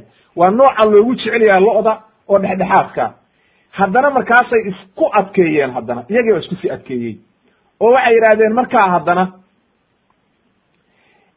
maa lownuha qaala idcu rabbika yubayin lanaa maa lownuha noo noo sheeg bay yidhahdeen haddana midabkiisa oo waxa weeye nooca uu og yahay noo sheeg. Markaasaa la yidhi ilaahay haddana wuxuu idi amrayaa inaad gowracdaan maarata an tadbaxuu baqara haddana gowraca la yidhi leanno bal midabkaan maxay ku falayaan ilaahay marka wuxuu yidhi safraaa faaqicun lawnuha tasuru nnaadiriin waa lagu sii adkeeyey marka. Waxaa la yidhi sac aad u qurux badan. Safraagu waxa weeye ba la yidhi culammadu waxay ku fasireen ay macnaha waa saca xoogaa gedgaduudku ku jiro oo midabkiisu aad u qurux badan yahay oo waxa weeye maaragtay midabka ugu qurux badan lo'da weeye ba layidhi oo aad loo jecel yahay. Tasuru nnaadiriin dadka eegayana ay aad ugu farxayaan. Marka waa waana loon la helo maaha ba la yidhi oo waa midabka aad u ciriiriga ah oo waxa weeye saca ugu qurux badan weeye lo'da way isku adkeeyeen haddana marka. Oo waxay yidhahdeen qaala idcu lanaa rabbaka yubayin lanaa maahi halkaanay marka dib isku garteen oo waxay yidhahdeen ina albaqara tashaabaha calayna wa ina in sha allahu lamuhtaduun halkaa haddaynan marka dhihin wa ina in sha allahu lamuhtaduun waa lagu sii adkayn lah marka markaasa haddana ilahay wuxuu yidhi markay iyaga yidhaahdeen ma ma hiya. Haddana noo sii caddee ba la yidhi. War waxaa la yidhi mid dhexdhexaada oo qurux badan. Haddana waa maxay marka aad adayga kale aad sii doonaysaan iyo bayaanka kale? Haddana waa lagu sii adkeeyey saddex jeer baa lagu sii adkeeyey oo ilahay wuxuu yidhi marka qaala inahu yaqulu inaha baqaratun laa daluulun tufiru larda walaa tasqi lxarsa musallamatun laa shiyata fiiha walfir waxaa la yidhi sac aan waxa weye daluulku waa kan waxa weye la rarto oo waxa weye lagu shaqaysto oo waxa weeye tufiru larda dhulka wara maaragtay lagu maro ama waxa weeye walaa tasqi lxarta ama waxa weye dhulka biyaha lagu waraabsado oo waxa weye beeraha lagu falo midna aan ahayn macnaha sac aan lagu shaqaysan oo waxa weye dhibaato aan lahayn musallamatun laa shiyata fiiha wax eeba aan lahayn ayaa la yidhi gowraca. Intaa markii la yidhi ayay waxay idhahdeen qaaluu lana ji'ta bilxaqi. Hadda ayaad xaq la timid bay dheheen bal kufriga intaa leeg fiiri hadda ayaad xaq la timid bay dheheen intii hore ma been buu sheegayey subxaana allah nebigii ilaahay oo rasuulka ilaahay ululcazmiya ayay waxay leeyihiin haddaad xaq la timid. Intii hore o dhan marka xaq ma ahayn miya subxaana allah waa arrin aad iyo aad u khatara. Wax alla wuxuu sheegaya xaq bay ahaayeen. Iyagaa dhaalimiin ahaa oo xaq aan u hoggaansamaynin ilaahay wuxuu yidhi fadabaxuuha waa gowraceen. Wamaa kaaduu yafcaluun. Ay macnaha awal oo dhan kuma ay sigan macnaha hadday markii ugu horreysay u degdegi lahaayeen wanaaggaas dhibtaasoo dhan lama ay kulmeen. Waa lagu sii adkeeyey marka. Marka culummadu waxay yidhahdeen laa shiyata fiiha ay laysa fiiha lawnun yukhaalifu lawnaha culummada laa shiyata qaar waa ceebta bay yidhahdeen oo waa min alcuyuub musallamatun min alcuyuub. Musallamatun ay min alcuyuubi. Laa shiyata fiiha aan midab kala lahayne midabkeeda oo isku egoo qurux badana ayaa la yidhi raadiya. Waa marka aad iyo aad bay ciriiri u tahay. Waxay leeyihiin marka mufasiriintu saci bay raadiyeen. Way waayeen. Waxay baadi goobaan iyo waxay baadi goobaanba waxay ka heleen ba la yidhi. Nin aabihi gaboobay oo baari u ah ayay agtiisa ka heleen ba oo waxay markaa nin saci nasiib. Ma ida siinaya buu yidhi. Oo waxa weye saciga idama siinayo. Waa wiil baari aabihi u ahaa ba layidhi markaasay waxay yidhahdeen saci nasiib oo naga iibso. May buu yidhi. Way ka lacag badan bay u gaareen. Waxay leeyihiin mufasiriintu marka ilaa ay waxa weeye u gaareen toban jibaarkiisa miisaankiisu intuu noqdo oo dahaba iyo fidaa baan kaa siinaynaa oo waxa weeye kaaga iibinaynaa. Macnaha miisaankaa waxaa la saaraya dahab iyo fidaa lagu saaraya isagana miisaankaa la saaraya intuu kiilo noqdaanu kaaga iibinayna si arrintaaba loo kala saaro maanta. Ninkii markaasuu ka iibiyey ba lihi ilahay markaa wuxuu yidhi fadabaxuuha markaasay gowraceen. Oo waxa weye arrintii wama wama kaaduu yafcaluun. Ay mar walba dhibaatadaas ay samaynayeen oo yataraddaduuna fi amriha. Macnaha inta ay ku noo noqonayeen ayaa waxa weeye laga wadaa. Marka wuxuu yidhi ibn kathir raximahullah markaasaa ilaahay wuxuu amray mar alle markay gowraceen baa waxaa la yidhi ku dhufta jirkiisa wax ka mida meydkii waxa weye ku garaaca waxa weye meydka inta qaadaan ku dhufta baa la yidhi maaragtay wax ka mida maaragtay jirkiisii qayb baa laga soo gooyey markaasaa lagu dhuftay. Marka waxay leeyihiin culammadu qaybba waxbay ku sheegayaan laakiin muhiim maaha adigu jirkiisii wax ka mid a ayaa saci inta laga soo gooye ninkii lagu dhuftay. Oo waxa weeye markaasuu soo kacay. Marka qaar waxay yidhahdeen garabkaa lagaga dhuftay qaar feeraha qaar waxaasoo dhan muhiim maaha. Waxa weeye fadribuuhu bibacdiha qayb ka mid a ayaa lagu dhuftay oo la yidhi ku dhufta. Mar alla markii lagu dhuftay biidni illah amarkii ilaahay ayaa nabiyullaahi muusa markaa la hadlay markuu ninkii uu soo uu soo kacay ba layidhi. Intuu istaagay oo jafjaftay ayuu iska soo istaagay. Nabiyullaahi muusa baa weydiiye o wuxuu yidhi man qatalaka? Yaa ku dilay. Markaasuu yidhi qatalanii waxa i dilay ibnu akhi. Wiilkii walaalkay dhalay baa i dilay oo waxa weye dhaxalkayga degdegsanayey ayaa i dilay uma caada mayitan kama kaan. Haddana waa wuxuu ku dhintay markaa dhimashadiisiibuu dib ugu noqday oo ninkii markaa waa dhintay. Oo waxa weye geeridiisii ayuu dib ugu noqday. Halkaa marka maxaa ka caddaatay? Inuu ninkaa isagu dilay. Ilaahay wuxuu yidhi marka kadalika yuxyi allahu lmawta wa yuriikum aayaatihi lacalakum tacqiluun. Had ilaahigii subxaana qaadirkaa saasuu wax u nooleeya. Oo macnaha wixii dhintana saasaa loo soo noolaynaya. Sida qofkaa dhintayba ilaahay u soo nooleeyey ayaa ilaahay u soo noolaynayaa qof alla qofkii dhintay oo uu rabo inuu soo nooleeyaba. Oo waxa weeye qiyaamaha markii la tago aayaadki ilaahayna saasaa la idiin tusayaa si aad wax u garataan. Haddaba arrintaa marka waxay daliil u tahay reer bani israa'iil dhaga adaygoodii iyo madax adaygoodii iyo waxa weeye dhibaatada ay ku sameeyeen nebigii ilaahay ayay intaasoo dhan maaragtay kutusaysaa waxayna kaloo ugu tahay aayaddan ugu dambaysa kadalika yuxyi llahu lmawta caqiide weeye qofku inuu ictiqaadsanaado in la issoo noolaynayo oo qof walba oo dhinta ilaahaygi subxaana qaadirkaa uu awoodo inuu soo nooleeyo.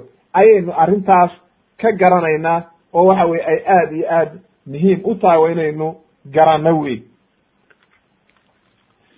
wuxuu yidhi marka waxaynu u soo gudbaynaa marka qodobka tobnaad oo odranaya qisatu muusa walkhadar calayhim assalaam nabiyullaahi muusa calayhi salaam iyo nabiyullaahi khadar iyo nebi khadar oo kulankii ay kulmeen ayaynu halkaana qeyb ka soo qaadanaynaa oo insha allahu tabaraka watacaala qisadiisuna dib bay inooga imaanaysaa nebi nabiyullahi khadir.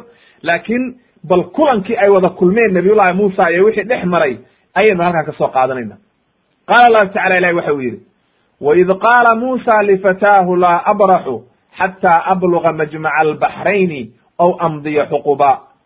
Nabiyullahi muusa ayaa wuxuu la dardaarmay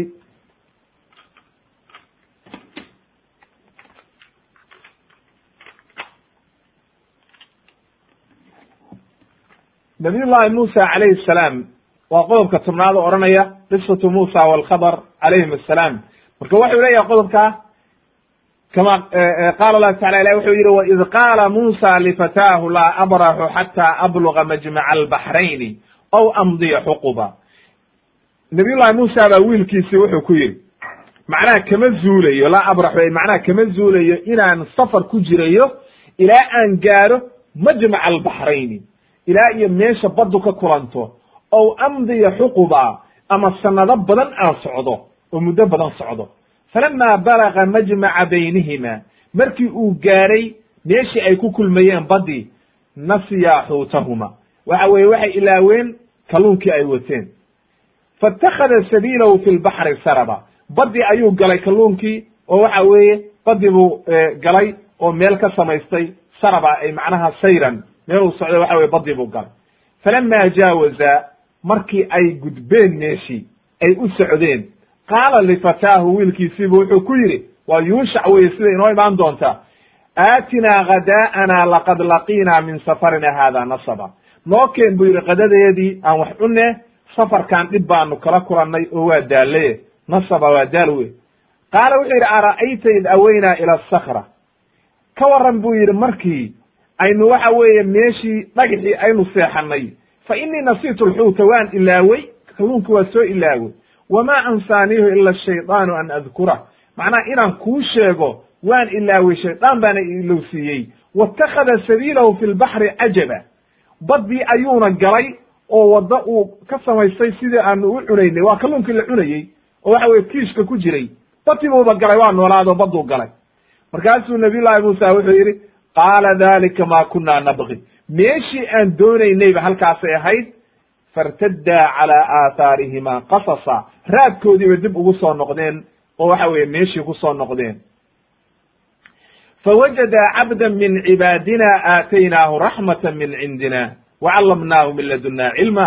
Meeshii bay waxay ka heleen addoon ilaahay oo addoommada ilaahay ka mid a oo ilaahay uu wanaag iyo raxmad uu siiyey ilaahayna uu baray cilmi qaala muusa hal attabicuka calaa an tucallimanii mima cullimta rushda nabiyullaahi muusa baa weydiisto wuxuu yidhi ma ku raaci karaa inaad ibertid cilmigii ilaahay ku baray haddaba marka arrintaani qisadan sabab bay lahayd waxau leeyahay ibnu kathiir raximahullah qaala bacdu ahli lkitaab waxay yidhahdeen oo waxa weeye laga soo guurinayaa dadkii ahlu kitaabka ah nabiyullaahi muusa calayhi salaam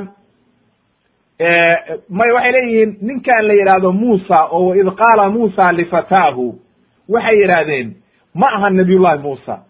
Ee waxa weye nin la oran jiray muusa ibni mansa ibni yunus yuusuf calayhi salaam. Yuusuf calayhi salaam wiilkii uu awowga u ahaa weeye oo muusa baa la oran jiray. Arrintaasi waa ka kac weye waxba kama jiraan. Iyaga ayaa khaldan oo waxa weye ahlu kitaabka reer bani israa'iil beentoodii weeye marka waxa weye nabiyullaahi muusa calayhi salaam weeye ninkan ilaahay inooga sheekeeyey. Aayadaha qur'aankaa sida ay kutusinayaan iyo waxa weeye culummadu maaragtay leannahu xadiis baa ku sugnaatay. Marka waxaan soo qaadanaynaa xadiis saxiixa oo waxa weye arrintan qaadaa dhigay oo waxa weye imaam albukhaari wariyey aad u dheer ayaynu waxa weye soo qaadanayna.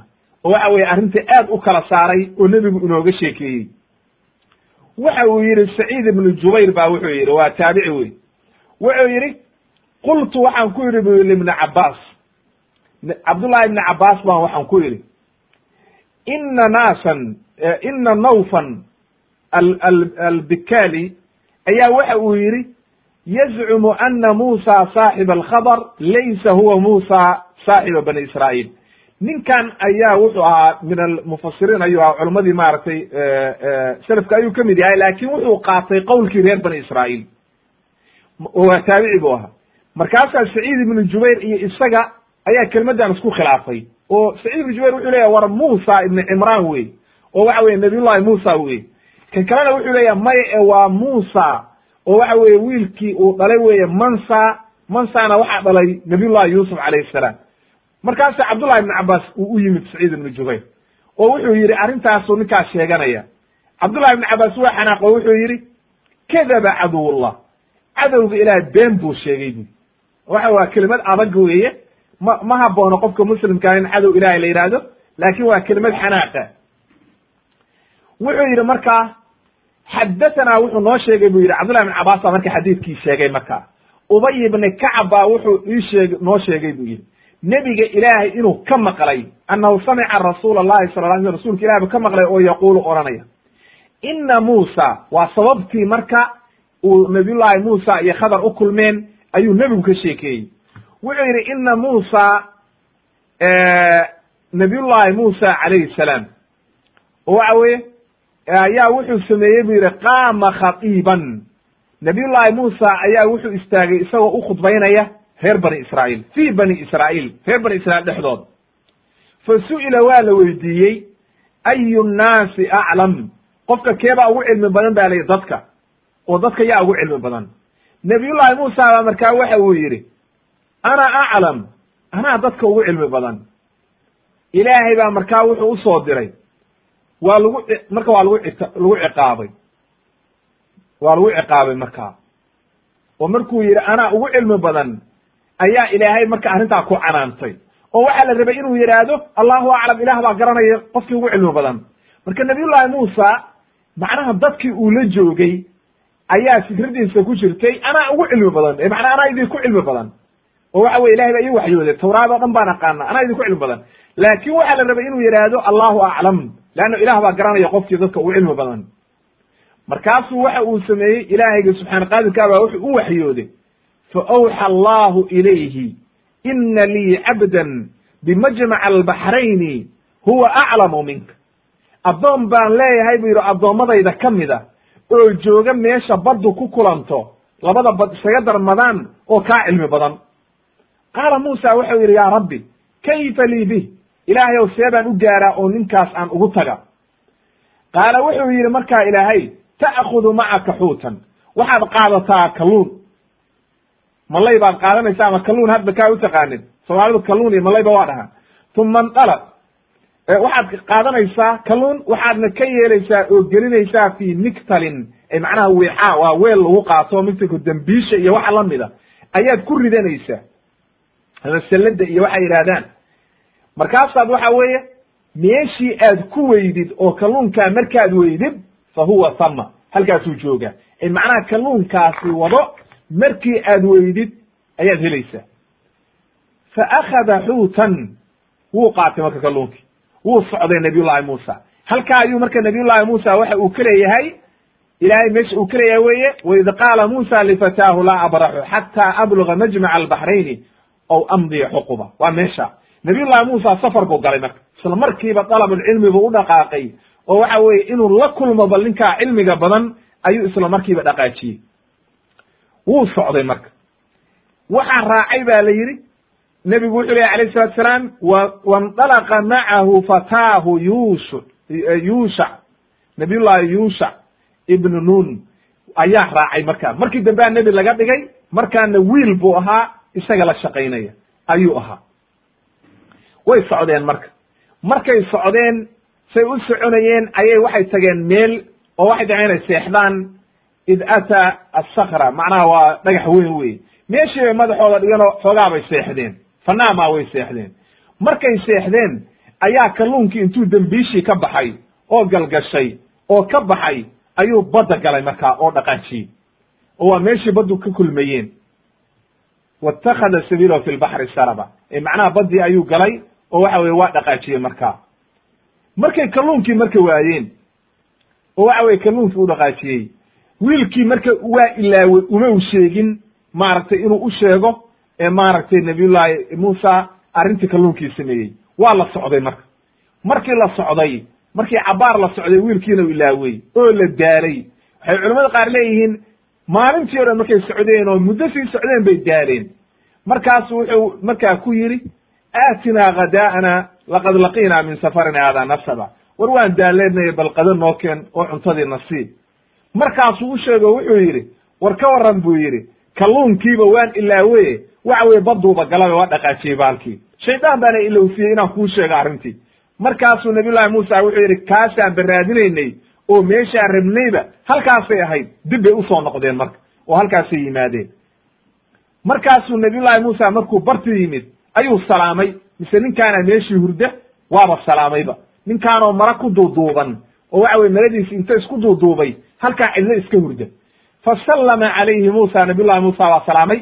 Faqaala alkhadiru khadir baa wuxuu yidhi wa annaa biardika asalaam xagee bay macnaha gariib bay la noqon. Waa maxay dadka salaamta meeshaan dad gaala baa jooga salaamba ma yaqaanina waa maxay? Markaasuu waxa uu yidhi muusa ana muusa buu yidhi.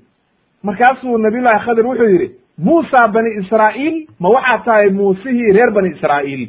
Haddaba halkaasay ka caddaatay marka xadiiskay ku caddahay muusa inuu yahay nabiyullahi muusa calayhi salaam reer bani israa'iil. Ee uunan ahayn muusa hore ay sheegayaan ahlu kitaabka ay beentoo tahay.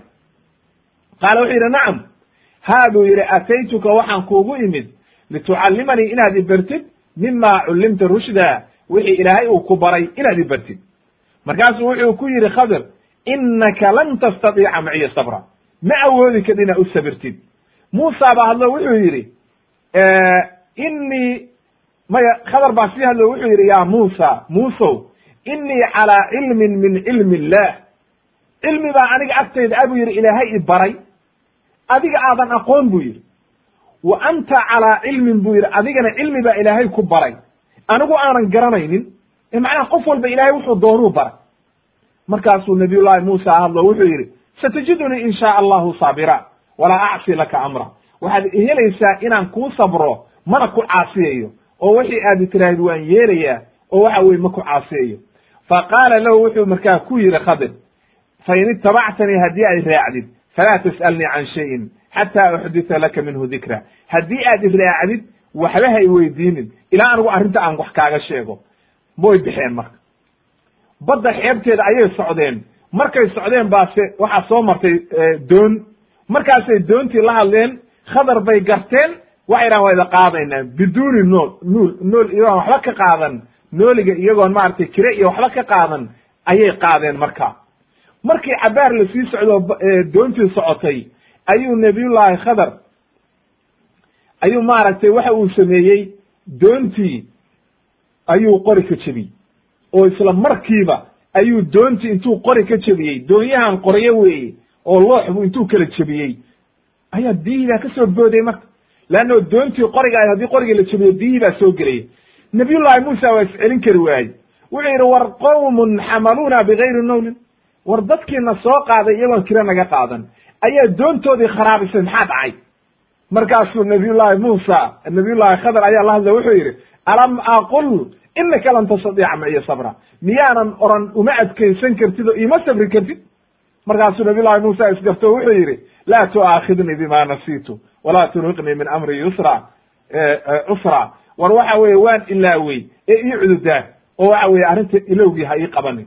Faqaala rasuulu llahi sala allahu alayh wasalam fakanat alula min muusa nisyaanan wuu ilaawey wuu is ilaawey wa jaa'a cusfuurun shimbir baa yimid. Fa waqaca waxa uu fadhiistay maaragtay doonta kaabi dhinaceedii. Qori buu ku istaagay doontii ka mid a markaasuu baddii laba jeer afka ku dhuftay. Markaasuu nabiyullahi khadar wuxuu yidhi muusow cilmiga ilaahay iyo cilmiga cilmiga lagu siiyey iyo waxa aniga laysiiyey kulli haddii la isku daro iyo cilmi kasta iyo cilmiga ilaahay waxa uu la mid yahay hadda shimbirkaa xunkaa oo waxa weeye badda muxuu ka qaadi karaa laba jeer intuu ka badan ka duulay. Cilmigan waa noocaas oo kale. Cilmiga ilaahay ayaa faraha ka badan oo waxaynu ognahay ma jirto? Wa fawqa kuli di cilmin calim wey waa aayaddii qur'aanka waa la socday marka haddana waxay u yimaadeen haddana wiil. Wiil yara oo waxa weeye la cayaarayo wiilal ayaa loo yimid. Wiilkii buu qabtay nabiyullaahi khadar madaxuu kala maroojiyey kow waa dilay wiilkii. Mayd buu noqday. Waaba yaabay ninkii la odhan jiray muusa waxa weeye arrintii waaba adkaysan kari waaye oo wuxuu yidhi aqatalta nafsan zakiyatan bigayri nafsin laqad ji'ta shay'an imra arrin adag baad la timid buy oo waxaad samaysay buu yidhi maaragtay ma waxaad dishay buu yidhi naf aqatalta nafsan zakiyatan ayay axaadiista ku soo arooreen. Ama zakiyatan sida aayadda qur'aanka bigayri nafsin laqad ji'ta shay'an nukra arrin adag baad la timid oo la inkiroo munkara ninkaagaa wax dilaya markaasu wuxuu yidhi alam aqul laka waa ku sii adkeeyey. Markii hore wuxuu yidhi alam aqul inaka laakiin hadda wuxuu yidhi alam aqul laka tanaa sii adag inaka lam tastadiica maciya sabra miyaanan ku oranin adiga iima dulqaadan kadhid ee waxa weye haddaba hay raaci markaasu wuxuu yidhi in sa'altuka can shayin bacdaha falaa tusaaxibnii mar dambe haddaan wax ku weydiiyo dib dambe ha ila soconba oo waxa weeye saddex jeer haddaad ii cududaadhay waa khalaas bu yidhi marka waxa weeye markii hore nisyaan bay ahayd tii dambena waa cududaar tan dambe waa bas weye markaa waa lagu kala tegay ilaana saddex jeer qofku u cududaaray hadda waxa weeye wax cududaar oo kuugu haray ma jirto wuu ku adkeeyey marka. Way waa la socday marka. Waxaa loo yimi magaala la yimid magaaladii markii la yimid ayay waxay weydiisteen dadkii meeshii deganaa inay martiqaad bay weydiisteen. Waa u diideen. Waa dad gaalaa waa diideen inay marti qaadaan markay martiqaadkii u diideen oo ilaahayda martiqaadi mayno ayay waxay arkeen nabiyullaahi muusa ee khadar waxay arkeen derbi soo dhacaya. Oo waxa weeye jidaar waxa weeye gidaarka derbi soo dhacayay arkeen guri dumaya. Nabiyullaahi khadar baa istaagay gacantiisuu saa ku yidhi waaba toosiyey derbigii waa toosayba caadi buu noqday. Markaasuu nabiyullahi muusa wuxuu yidhi hadda dadkan waxa weye martiqaad baan weydiisanaye oo waxa weye waa noo diideene maaragtay lo low itakadta calayhi ajra haddaad ka qaadan lahayd ujuuro oo waxa weye xoola nooga qaadi lahayd waxaanu cunno iyo maaragta markaasuu nabiyullaahi khadar wuxuu yidhi markaa fa hada firaaqu bayni wa baynak saddexdii jeer waa dhammaatay. Halka ayaa ku kala tegaynaa marka. Waan kuu sheegayaa buu yidhi marka wixii maaragtay aad u adkaysan weyday markaasuu u sheegay. Oo waxa weye uu ku yidhi ama asafiinatu doontii miyaa waxay ahayd fa kaanat limasaakiin yacmaluuna fi lbaxri waxay ahayd masaakiin baa lahaa badday ka shaqaysan jireen waxaana maaragtay gadaalkooda joogay wa kaana waraa'ahum melikun ya'khudu kula safiinatin kasba waxaana halkaa ka dambeeyey oo waxa weeye gadaalkooda meesha u socdeen ahaa oo ay u socdeen oo ay gaari lahaayeen. Nin waxa weeye meleg boqoro dhaalima ayaa ka xoogi lahaa. Oo doon alla doontu arkoo wanaagsan ayuu ka qaadi jiray ba lihi dadka wata. Marka waxaan doonay inaan ceebeeyo si ay masaakiintan doontooda ugu badbaado min cindi illah amar ilaahay bayna arrintaan ahayd. Ama algulaamu buu yihi wiilkii miyaa fa kaana abawaahu maaragtay mu'minayn labadoodii labadiisii waarid ayaa waxay ahan dad muslimiina. Isaguna wiilkaana wuxuu ahaa wiil markiiba ilaahay abuurayba gaalnimo loo qoray. Marka waxaa laga baqay inuu waxa weeye markii uu weynaado uu waaridkiisa uu ku khasbo inay gaaloobaan. Ilaahay marka wuxuu doonay inuu mid ka wanaagsan ugu bedelo kana laga dilo. Ama waxa weeye jidaarkii miya fa kaana ligulaamayni yatiimayni fi lmadiina laba wiiloo waxa weeye agoona ayaa lahaa wa kaana taxtahu kanzun lahuma. Waxaana ugu jiray hoosta waxa weye derbigan soo dumayey waxaa ka hooseeyey xoole ugu jiray kanzi macnaha dahab iyo alaab iyo wax badan oo meesha lagu xabaalay kanzigu waa xoolaha faraha badan ayaa ugu jiray. Wa kaana abuuhuma saalixa. Waxaana ahaayeen waaridkood ayaa maratay aabbahood baa saalixa nin wanaagsan. Fa araada rabuka an yabluga ashuddahuma wayastakrija kanzahuma raxmata min rabbik wuxuu ku soo gebagabeeyey macnaha qoladaana saana asxaanka loogu sameeyey oo ilaahay wuxuu doonay xooggooda markay gaaraan labadan wiil inay la baxaan kanzigooda oo aan lagu qabsan. Wuxuu ku soo gebagabeeyey wamaa facaltu can amri. Aniga waxaan aan sameeyey oo dhan aniga ma samaynin. Ay biamar ilaahay baan ku sameeyey. Dalika ta'wiilu tafsiirkii ta'wiilka waa tafsiirka. Maa lam tasdi calayhi sabra. Wakaa tafsiirka iyo waxaad u adkaysan weyday arrintu waa noocaa wey marka wuxuu yidhi nabiga calayhi salaatu wasalaam markuu xadiidkan ka sheekeeyey waxaan jeclaysan lahayn buu yidhi oon jeclaan lahaa nabiyullahi muusa inuu sabro ilaa iyo waxa weye in badana loo ka sheekeeyo bal arrinta qadar aan si fiican u ogaano ayaanu jeclaan lahayn. Waay. Haddaba marka arrintaas bukhaari iyo muslim baa weriyey oo waxa weye xadiidka bukhaari wuxuu ku weriyey fi kitaabkiisa maaragtay qeybta tafsiirka raqamka afar kun iyo toddoba boqol labaatan iyo shan muslimna wuxuu ku weriyey kitaab alfadaa'il min fadaa'il khadir calayhi salaam. Wa qaala alxaafid ibn xajar waxa uu yihi markuu xadiidkan ka hadlayey ikhtalafa waxaa la isku khilaafay buu yihi ikhtulifa fi makani majmac albaxrayn meesha la yidhaahdo majmac albaxrayn baddu ka kulantay waa la isku khilaafay. Oo waa xaggee ba la yidhi nabiyullahi muusa wuxuu joogaa ardu sham iyo dhulkaasuu joogay markaa dhulkii reer bani israel deganaayeen meeshaan mujmac albaxraynku waa xaggee culammada qaar waxay yidhahdeen kataate iyo waa baxru faris wa ruum. Iran iyo halkaa ka kor waa dhulkaasay yidhahdeen qaarna waxay yidhahdeen waa baxru sham waa maaragtay dhulka faris biyaha ka soo dilaama oo bad ka soo leexata oo soo marta meesha la yidhahdo azerbaijan iyo oo waxa weye halkaa ka soo baxda oo sham ku soo darta waa halkaasay dheheen qaarna waxay yidhahdeen waa urdun iyo waa dhulkaa qaar waxay yidhahdeen waa badda armenia iyo halkaa fog. Calaa kulli xaal lama garanayo. Meel ay tahay lama yaqaan laakiin kollay waa dhul aad iyo aad uga fogaa oo muddo badan loo soconayey ilaah baa garanaya marka. Wa qawluhu tacaala ou amdiya xuquba. Xuqubku waxa weeye waa zamanan ay waqti macnaha. Waxay yidhahdeen culummadu sida maratay ay ku fasirayaan cabdullahi ibni cabaas iyo xuqubku waa zamaanka ama dahriga ama waqtiga waa muddo aad u fara badan culamada qaar waxay yidhahdeen sida cabdullahi ibni camr ibni caas iyo hamaanuuna sano ayaa la yidhahdaa xuqubka ay macnaha siddeetan sano ilaa aan socdo. Oo waxa weye ama maaragtay ama sabcuuna sana waa wakti aad u fara badan wey waaya wa ama tacaala faاtakada sabiilahu fi lbaxri saraba. Ay macnaha sarabku waxa weye waa meesha uu maray ay yasluku maaragtay meeshii uu maray weye oo badda uu galay weye oo waxa weeye waa ti aayad kale ilahi lahaa sawaaء minkum man asara alqawla wman jahara bihi wman huwa mustakfin bاlleyli wa saaribun bالnahaar ay macnaha saaribun ay saalikun fi الnahaar ay macnaha meeshuu qofku maro ama tago ayaa la yihahdaa sarabka wa qowluhu markuu yihi maaragtay saluni fawaa'idda ku jirta ayuu san wuxuu leeyahay qawluhu saluni fiihi jawaazu qowli alcaalim macnaha wuxuu leeyahay ibnu xajar qowlkan uu markuu istaagay maaragtay waxaa riwaayadaha qaar ka mida inuu nabiyullahi muusa yidhi dadkiisii iweydiiya waxay aad rabtaan markaas way bannaan tahay baa layihi ninka caalimka ahi inuu dadka oran karo iweydiiya wixii cilmiga aad u baahan tihiin. Haddayna riya ahayn oo riya la iska ilaalinayo.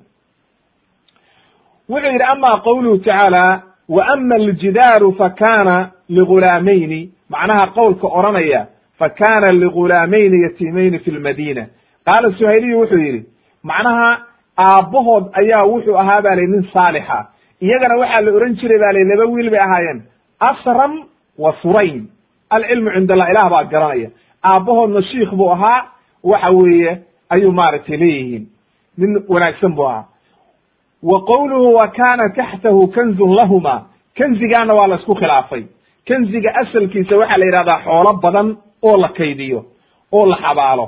Waxaa la yidhi dahab buu ahaa. Qaar waxay yidhahdeen cilmi buu ahaa. Marka ibnu kathiir wuxuu yidhi walashbahu annahu kana lawxan min dahabin maktuuban fiihi cilmun. Labadii qowl buu jamciyey. Oo wuxuu yidhi qowl wuxuu ahaa buu yidhi loox dahaba oo cilmina lagu qoray.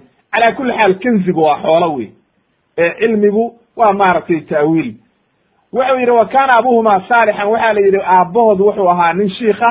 Daliil waxay u tahay baa la yidhi aayaddaa marka qofka wanaagsan ilmihiisana in ilaahay u xifdinayo hadduu isagu wanaagsanaado. Marka waa in lagu dadaalo waalidku inay wanaagsanaadaan si ilaahay inoogu xifdiyo awlaaddeenna fa araada rabuka an yabluga ashudahuma wayastakhrija kansahuma raxmata min rabbika wama facaltuhu can amri. Arrintaa waxay daliil u tahay nabiyullaahi khadr calayhi salaam annahu kana nebiyan leannu ilaahay waxa uu yidhi qowlkii nabiyullaahi khadr wama facaltuhu can amri aniga arrintayda arrintan kuma samaynin ee ilaahay ba ii waxyooday marka daliil waxay u tahay waana inoo imaan doontaa qisadiisu inuu nebi ahaa wuxuu yidhi qaala xaafid ibn xajar wa fi lxadiidi fawaa'id xadiidkan fawaa'id baa ku jirta buu yidhi waxaa ugu horraysa buu yidhi o aan ka soo qaadanaynaa istixbaabu dalab alcilmi in loo safro dalab alcilmiga oo lagu dadaalo oo aad iyo aad loogu safro oo waxa weye safar dheer loo galo oo culummada lala kulmo oo waxa weeye aad loo dulqaato dhibta iyo mashaakilka kaaga imaanaya ama canaanta culummada ama waxa weeye safarka aad gelaysid dhibta kaaga imaanaysa leannahu dalab cilmi baa ku jirta. Waa jihaad weeye. Waxaa kaloo aynu ka qaadanaynaa nabiyullaahi khadar calayhi salaam inuu waxa weeye nebi ahaa. Ayaynu ka qaadanaynaa. Leannahu waxaa ku caddaysay inuu yidhi aniga arrintan ma samaynina ilahay baa ii waxyooday. Waxaynu kaloo ka qaadanaynaa oo daliil u ah maadaama nabiyullaahi muusa oo waxa weye ululcazmiya oo waxa weeye rususha ugu ugu wanaagsan ka mid a loo diray oo nabiyullaahi khadar uu ka sii cilmi badnaa. Waxaad halkaa ka ogaanaysaa marka nabiyullaahi khadar inuu ahaa nebi ayaad halkaa ka ogaanaysaa wa qaala ibn batal wuxuu yidhi khadar calayhi salaam wa ama algulaamu fa kana kaafiran. Arrinta qadar markuu ka hadlayey wiilkii uu dilay horta kaafir buu ahaa ba layidhi oo ilaahay baaba markii horeba u qadaray looxalmaxfuudka uu qoray inuu kaafir yahay. Waxaana laga baqayey ay macnaha kaafirnimadiisaasi isagu markaa waa saqiire laakiin aakhirka ayuu gaal noqon doonaa. Waxaa marka laga cabsanayey inuu waxa weeye uu aabihii iyo waalidka dhibaato u geysto. Waxaa kaloo laga faa'iidayaa jawaazu likhbaari bitacab qofku haddii uu daalo ama waxa weeye dhibaato ku dhacda inuu yidhahdo waa daalanahay waan daalay. Sidaa nabiyullahi muusa u yidhi laqad laqiinaa min safarina hada nasaba. Inayna shakwa ahayn oo waxa weye aynan wax dhibaataa lahayn. Ayaa laga qaadanaya. Waxaynu kaloo ka qaadanaynaa waynu ka faa'ideynaa nabiyullahi muusa calayhi salaam markii uu ku jiray ilaahay dartii uu u safray oo waxa weeye uu duuru siina aaday oo waxa weeye miiqaadkii ilaahay uu ballamiyey uu u imaanayey lama oranin wuu daale. Laakiin markaan isagu naftiisa iyo dalabulcilmi u safray wuu daale. Halkaa marka culimmadu waxay yihahdeen waxaa laga faa'iidaya qofku markuu ilaahay amarkiisii ku socdo oo daaco u socdo oo ilaahgii subxaana qaadirka ah u amray. Hadda ilaahay baa wuxuu gelinayay awood iyo waxa weeye ma daalaynin. Laakiin qofku markuu u safrayo dantiisa iyo dalab alcilmi iyo waxyaalo kale iyo khasab waa daalaya. Leanna waxaa ku jirta meesha adigii baa danaysanaya oo dantaadaa ku jirta. Waxaynu kaloo ka faa'idaynaa dalab diyaafa. Dadka waxa weeye martida in la martigeliyo oo la hagaajiyo oo aan la xumaynin. Waxaynu kaloo ka faa'ideynaa inay waxa weeye waxaynu kaloo ka faa'ideynaa haddii waxa ay wixii khalada oo wax xun ah inaan ilaahay loo tiirin wixii ficilka xun inaan ilaahay loo tiirin oo shar iyo dhibaata ku jirto. Leanno nabiyullahi khadar markuu wiilkii dilay waxa uu yidhi fa aradtu an markuu horta doontii markii uu maaragtay u waxeeyey wuxuu yidhi fa aradtu an aciibaha doontii inaan ceebeeyo ayaan doonay anaa doonay buu yidhi laakiin markuu ka hadlayey derbigii wuxuu yidhi fa araada rabbuka. Ilaahay wuxuu doonay. Marka nebigana calayhi salatu salam xadiis baa kaga sugnaaday uu yidhi waalkhayru biyadayka washaru laysa ilayk. Marka xaafid ibn xajar wuxuu leeyahay waxa wanaagsan mar walba waa in ilaahay loo tiiriyo. Laakiin wixii khalad khalad laga fahmi karo oo waxa weeye maaragtay wax khalada laga fahmi karo waa inaan ilaahay loo tiirin oo mar walba daa'iman ilaahay loo tiiriyo wax wanaagsan ayaa la rabaa. Sidaa daraaddeed ayuu markaa ku soo gebagabaynayaa maaragtay xaafid ibn xajar uu arrintaasu maaragtay ka digayaa wax khalada oo dadkii bini-aadmiga ay khalad ka fahmi karaan inaan ilaahay loo tiirin. Haddaba marka halkaa ayaan ku soo joojinaynaa dersiga maanta. Maaragtay kabacdina waa inoo sii socdaa oo waxa weeye ayin baa weli sii dhiman wsubxaanaka allahuma bixamdika ashhadu an laa ilaha illa anta astaqfiruka waatuubu ilayk walxamdu lilahi rabi alcaalamiin